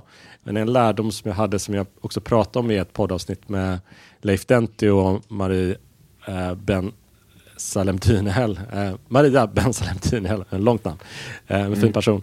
Eh, att ja, men, den här innovationsarbetet, den agila processen består av ett, rad, eh, ett gäng principer som inte är så svåra att lära sig. Utan det svåra är att vi eh, är komplicerade människor som ska försöka samarbeta och jobba tillsammans. Eh, och det, det, det tror jag inte hade landat lika väl för tio år sedan, eller långt ifrån lika väl. Att förstå det att Nej. jag var på något sätt, hade förmånen att vara i sammanhang där den, det personliga engagemanget och människors drivkrafter blev väldigt uppmä- eh, uppmuntrade. Och det var också nyckeln till att kunna göra väldigt mycket i- intressanta, spännande saker eh, som Ja. gav värde. Så att jag tror att jag har ibland kommit bort mig och, och liksom Ja, in, kanske inte riktigt sett, eh, sett att d- där har du liksom en väldigt stor nyckel som vi måste ta vara på. Eh, och liksom, vi liksom landat, liksom, vila tillbaks på det. Och ehm, jag har ju eh, ett projekt som jag vet att du har varit väldigt involverad i också. Jag nämnde det här tidigare innan, innan vi spelade in och det var här ett projekt som jag fick vara med i, i början av som heter Dut and Go. Som är här Skellefteå kommuns eh, projekt tillsammans med olika intresseorganisationer eh, för seniorer. Eh, och det är fin- finansierat av Allmänna arvsfonden som startade med, med en idé om att liksom hjälpa äldre att kunna kombinera social samvaro med bingospel och gymnastik. En väldigt rolig kombination där. Både social, ja. och det löser också olika liksom, viktiga frågor för, för den äldre befolkningen av ja, men ofrivillig ensamhet, eh, liksom aktivering, för, liksom både kognitiv aktivering och eh, liksom röra på kroppen. Ja, och den här precis. gruppen som vi hade då mitt under pandemin, många av dem var, var seniorer och, och ha- hade liksom, ja, var uppåt 70-årsåldern. Eh, och hade aldrig suttit i en innovationsprocess innan och eh, definitivt inte framför en dator. Eh, Men det engagemanget som fanns och det ägandeskapet som fanns i frågan och den känslan väldigt snabbt att vi är allihop ett gäng. Vi är på Hello Future, Skellefteå kommun, intresseorganisationer. Vi är alla, vi är alla med för att göra det här. Ehm, och, och ibland så fick jag något, någon, någon bild skickad till mig. Nu, titta hur, hur mycket snö det är i Skellefteå just nu från någon eh, gammal dam som, som var med. Och eh, det är verkligen så att det är som en, en, en, ett projekt som, som dök upp innan vi, vi började spela in här. Liksom, det här har också blivit, eh, men de har blivit nominerade för några priser nu och så vidare. Du håller ju bättre koll på det nu tror jag, Samuel, det här projektet än mig. För jag var med just i början. Men, men, eh, men det har ju verkligen fått vingar, det här eh, projektet. Och eh, Ja. jag tror det har varit väldigt svårt att få det vidare utan det, det starka engagemanget som den här gruppen hade. Eh, Jo, som Nej, visar men alltså att... det, det, det, det är ju ver, ver- verkligen så att man tittar på Ja, det var ju då inom citationstecken eh, ännu en sprint. Alltså vi har gjort ganska många innovationssprintar. Eh, och det här är någonting som vi pratade om i ett av årets avsnitt som jag tyckte var väldigt eh, kul Mm. att vara med i om vi börjar nämna så. Eh, avsnitt som vi gjorde under året, till exempel när vi pratade om psykologisk trygghet. Jag och Jenny och Per gjorde Mm. Just det det. avsnittet. Och då pratade de om det här att ett och samma workshopformat eh, där vi verkligen säger att ah, men vi, vi gör på det här sättet för det brukar funka bra kan fungera så otroligt olika med, Ja. beroende på grupperna. Och eh, där hade ni en sån lyckträff med en grupp som verkligen hade ett bra samarbetsklimat, det här personliga engagemanget och sådär som gav det projektet då verkligen själ och hjärta från start Ja. som, som verkligen också har hängt med sen som du säger, jag har ju själv varit i det. Och det är för övrigt ett projekt vi hoppas kunna lyfta i ett poddavsnitt här nu en bit in i 2023.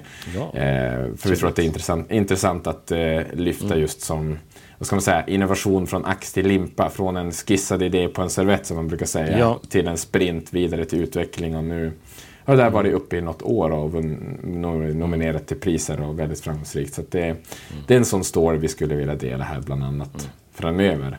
Men sen så kommer vi också att gräva mer har vi pratat om i just det här temat lite grann som du är inne på, apropå din reflektion här kring eh, vad ska man säga, den mänskliga aspekten av innovation. Och det är inte att den inte har funnits där eller så, men att bara verkligen understryka den och, och belysa den. Som du sa, att ja, jag kanske har tappat det lite på vägen eller att man läser någon ny bok Ja. och sen någon ny modell och så blir man så taggad av det och så glömmer man att det, det, allt det, det, det är bra, det kan vara spännande med en liten ny modell som får någon pusselbit att falla på plats på ett pedagogiskt sätt. Men till syvende och sist så har man en grupp människor som inte kan jobba tillsammans eller som inte känner en, ett engagemang inför det man ska åstadkomma. Då blir det ingenting. Nej, precis. Och vi, lite jättekort tillbakablick på det här året då för en reflektion så var det ju att vi satsade ganska mycket på det här med innovationsledning. Liksom, för det är, en, det är också en roll och ett begrepp som är hyfsat nytt, men det finns en standardisering, man kan certifiera sig för innovationsledning och vi ville verkligen så vrida och vända på det. Vad det innebär, vad man gör, hur det fungerar, hur man lyckas med det. De olika rollerna som en innovationsledare kan ha, som en chef, som hade Erik Backman på polisen, eller våra egna kollegor eh, i ett innovationsteam. Och för mig var det lite att jag kanske, eh, jag upplevde väl efter, det är klart man ska inte göra ett helt år bara med sådana, men efter ett par avsnitt kände jag att jag hade egentligen liksom eh, jag, hade fått ut det mesta ur den liksom, våta svampen där på något sätt och kramat ut liksom, det som fanns i den. För att det var liksom något i att ja, men vi, vi säger ungefär samma saker, men vad, vad, det, finns ju, det finns ju definitivt liksom, Eh, Eh, och sen även när vi pratar agilt och jag och Simon pratar om, om, om sprintformatet och så vidare så känner jag att jo men det, det, är, det är värt att repeteras naturligtvis men vi måste liksom också fundera på att liksom, ytterligare en definition av eller en, ett, ett perspektiv på det Eh, kanske inte det vi behöver just nu när man är ute och jobbar med olika kunder och ute i offentlig sektor och, och, och, och tittar på liksom hur vi ska skapa den här innovationskraften. Utan det är mer liksom tillbaka till grunden av människor. Vad, vad drivs de av i organisationen? Vad, vad, vad, vad, eh, vad, vad, vad, behövs för att skapa den här, den här gnistan och engagemanget? Eh, och även då när den redan finns, hur gör vi för att frigöra det engagemanget? Liksom? Hur, hur gör vi för mm. att det ska få utrymme i organisationer? Mm. Och som jag och Rich pratade om ett avsnitt här om, om, om rädslor, att vi inte att, att, eh, att, att vi förstår de rädslorna som ofta kan, kan finnas i organisationen för att inte engagemanget eh, ska få sitt utrymme. Så att, eh, ja, men det, det är definitivt någonting som, och det, ofta blir det ju så, att man har de senaste poddavsnitten färskt i huvudet och vill bygga vidare på dem. Mm. Så att uh, någonting som jag, kanske mitt favoritavsnitt då för året att ha, det var med, med Ida Hult. Jag läste, läste hennes bok Ärvda svar, mm. som jag tycker är absolut igen bara rekommendera för alla att, att beställa hem och läsa. Och den handlar ju jättemycket om hur vi som individer och grupper sitter fast i någonting som gör att vi inte kan ta de här kliven framåt till ja. det nya, till det okända, till det liksom, fantastiska som finns ja. där framme. Uh, och jag tror verkligen att vi, uh, vi har väldigt mycket att liksom utforska där i den här podden, mm. du och jag Samuel och våra mm, kollegor verkligen. kring just, eh, just liksom vad, vad, vad, gör, vad, vad, får oss människor att komma igång? Liksom. Nej men verkligen. Eh, nej, men det relaterar ju, jag, tyckte också att det var ett eh, kanonavsnitt verkligen. Alltså, jag gillar de flesta av våra avsnitt. Mm. Annars så brukar vi, en del avsnitt stannar faktiskt på klippordet när vi inte tycker att det blir bra. Så att vi försöker bara släppa faktiskt. bra avsnitt. Det vill jag inte låta påskina. Men det var verkligen kanonintressant mm, runt hennes bok där. Och relaterar väldigt mycket till det vi har pratat om idag. De här ärvda svaren, de här sakerna som man har tagit för givet och, och sådana grejer. Och det mm. leder oss in på ett annat tema och det har vi också vidrört här i podden idag. Alltså just det här att blicka tillbaka och titta mm. på det de här så kallat ärvda svaren då, eller processer, rutiner, antaganden, gamla erbjudanden, allt det här som man har som man skulle vilja, eh, som man behöver utmana och kanske lägga i box två då, mm. Eh, för att mm. komma tillbaka till tremogsmodellen som vi pratade om i starten. Och det relaterar ju till vad vi ska skapa i framtiden. Att vi, vi lär mm. oss av dåtiden för att kunna blicka mot framtiden. Vi behöver lägga saker i box två för att skapa den där platsen att röra oss framåt. Så att det är också ett tema som vi kommer att utforska. För nu, nu går vi mm. in i, vi går in i djupare tider av kris. Så, mm. så ser vi ju. Det, mm. det räcker att titta på elräkningen till exempel. Och det, vi har krig i Europa och det, det är instabila tider. Ja, pris på och, kaffe. Ja, priset på kaffe inte minst. Usch och hubba.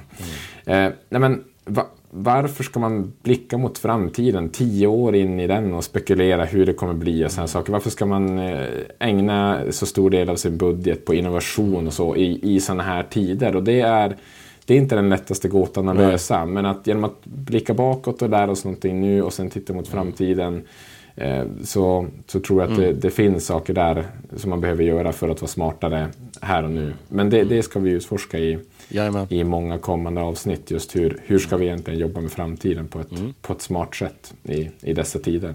Mm. Så ja, vi, vi, vi, har mm. mycket, vi har mycket uppköat som kan bli, kan bli spännande. Mm. Och sen hade vi årets, eh, årets klickraket i avsnitt också var ju det här det. Lyssnarnas frågor-programmet. Eh, mm. Eh, vårt överlägset mest framgångsrika mm. avsnitt hittills. Så att en ny Lyssnarnas frågor måste vi definitivt ja. se till att få ihop. Jag tror det var ett kvitto också på att det här det verkligen engagerar människor som lyssnar på vår podd. Att, att få bidra med liksom att få får skicka in sina frågor, få de här liksom, de vanligaste skaven eller missförstånden kring innovation. Att vi kan på något sätt liksom, eh, på, på ett enkelt sätt i alla fall. Vi, vi har, sitter inte inne med alla svaren själva, men, men vi, att, att vi kan diskutera dem i den här podden tror jag är ett väldigt stort värde. För veta det att mm.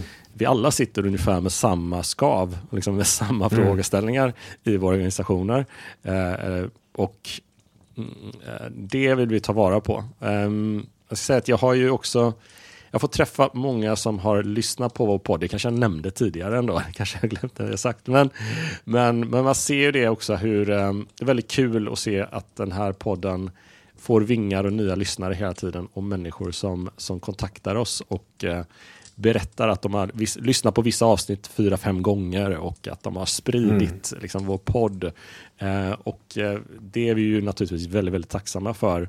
Eh, och för att vi ska kunna göra den här podden ännu mer relevant så tar vi gärna mm. emot mm. förslag på gäster frågor, eh, saker och ting vi behöver liksom eh, vrida och vända på den här podden. Det stimulerar ju oss och plus att vi då vill eh, på något sätt hjälpa alla som är ute där och eh, engagerade innovatörer som, som vill skapa förändring för, för sina målgrupper. Mm. Nej, men och du, du är ju inne på det där. Nu, nu ska vi knyta upp säcken och det närmar, sig, det närmar sig jul här. Kanske lyssnar man på det här i mellandagarna och så. Men mm. eh, jag, eh, ja vad ska man säga, toppen på min önskelista det är väl eh, kanske eh, det, det, är väl världsfreden, det, mm. det, är snälla barn och friska barn. Men någonstans där, alltså typ på eh, punkt fyra eller någonting mm. på önskelistan, då kommer dela transformationspodden. Sitter man nu ja. och lyssnar och tänker, ja ah, just det, det där var ett bra avsnitt, mm. det där var bra, det där tog jag med mig någonting fundera ut bara en kollega kanske som bara, jag tror inte att eh, hen har lyssnat mm. Eh, på det här. Det ska jag mejla och säga god jul. Så det, det, det önskar jag mig. Fortsätt eh, sprida om du känner att du får ut värde av podden. Sprid det till någon som du inte tror kanske har lyssnat eller delat i något socialt medium eller något sånt där. Att det är vi ytterst tacksamma så för. För det, det är så podden sprids och Jajamän. växer. Ja, och jag kan ju då säga min önskan i så fall det är att mejla mm. mig på johan.hellofuture med ett, ett förslag på någon fråga som vi behöver liksom ta upp eller någon gäst vi behöver bjuda in så ska vi göra det bästa för att äh, äh, möta den förfrågan. För de, de avsnitten brukar bli väldigt roliga när vi plockar upp någonting så konkret ifrån de som lyssnar på podden. Mm, ja men verkligen. Och när man hittar den här gästen som man kan bjuda in som kanske är lite utanför vår egen, alltså Hello mm. Futures liksom kunskapsbubbla sådär att ja. oj, det här är någon som någon lyssnare har lyssnat på som vi liksom inte har upptäckt för att ja, vi går alla i våra inslagna spår och vissa fält som man utforskar och sådana saker. Så det, det är ett jättebra, en jättebra önskning tycker jag. Man, man, får, man får ju promota sig själv också som gäst. Det, det får man. Men ja. då får man också vara redo på att, att vi kanske säger nej. ja, precis. Eh, man kan promota sig själv och ha ett annat tips. Det kan ju vara lite mm. klädsamt. Ja. ja, det bäddar för ett jättetrevligt 2023 i podden. Det känner jag ju redan nu. Men eh, nu ska alla få återgå till sin julledighet och så laddar vi för eh, mm. nya tankar och kunskaper eh, in en mm. bit där in i januari. Så då återstår bara för mig att säga då stort tack till dig Johan mm, för den här podden, men för hela året eh, mm. inte minst. Och jag var ju föräldraledig en stor del under året. Det är mm. du och jag som brukar vara programledare, så du har ju fått eh, verkligen... Ett eh, stort, stort lass. Exakt, det, du har nött stolen. Men det har varit eh, en förmån, måste jag säga. Eh, mm. Ja, ska vi önska lyssnarna god jul och gott nytt år då? Möjligtvis. Ja, jag, jag, jag antar att du just gjorde det. Så. Ja, vi säger så. så säger vi. Tack allihopa. Vi hörs, vi hörs nästa år. 2023. Ja, hej hej.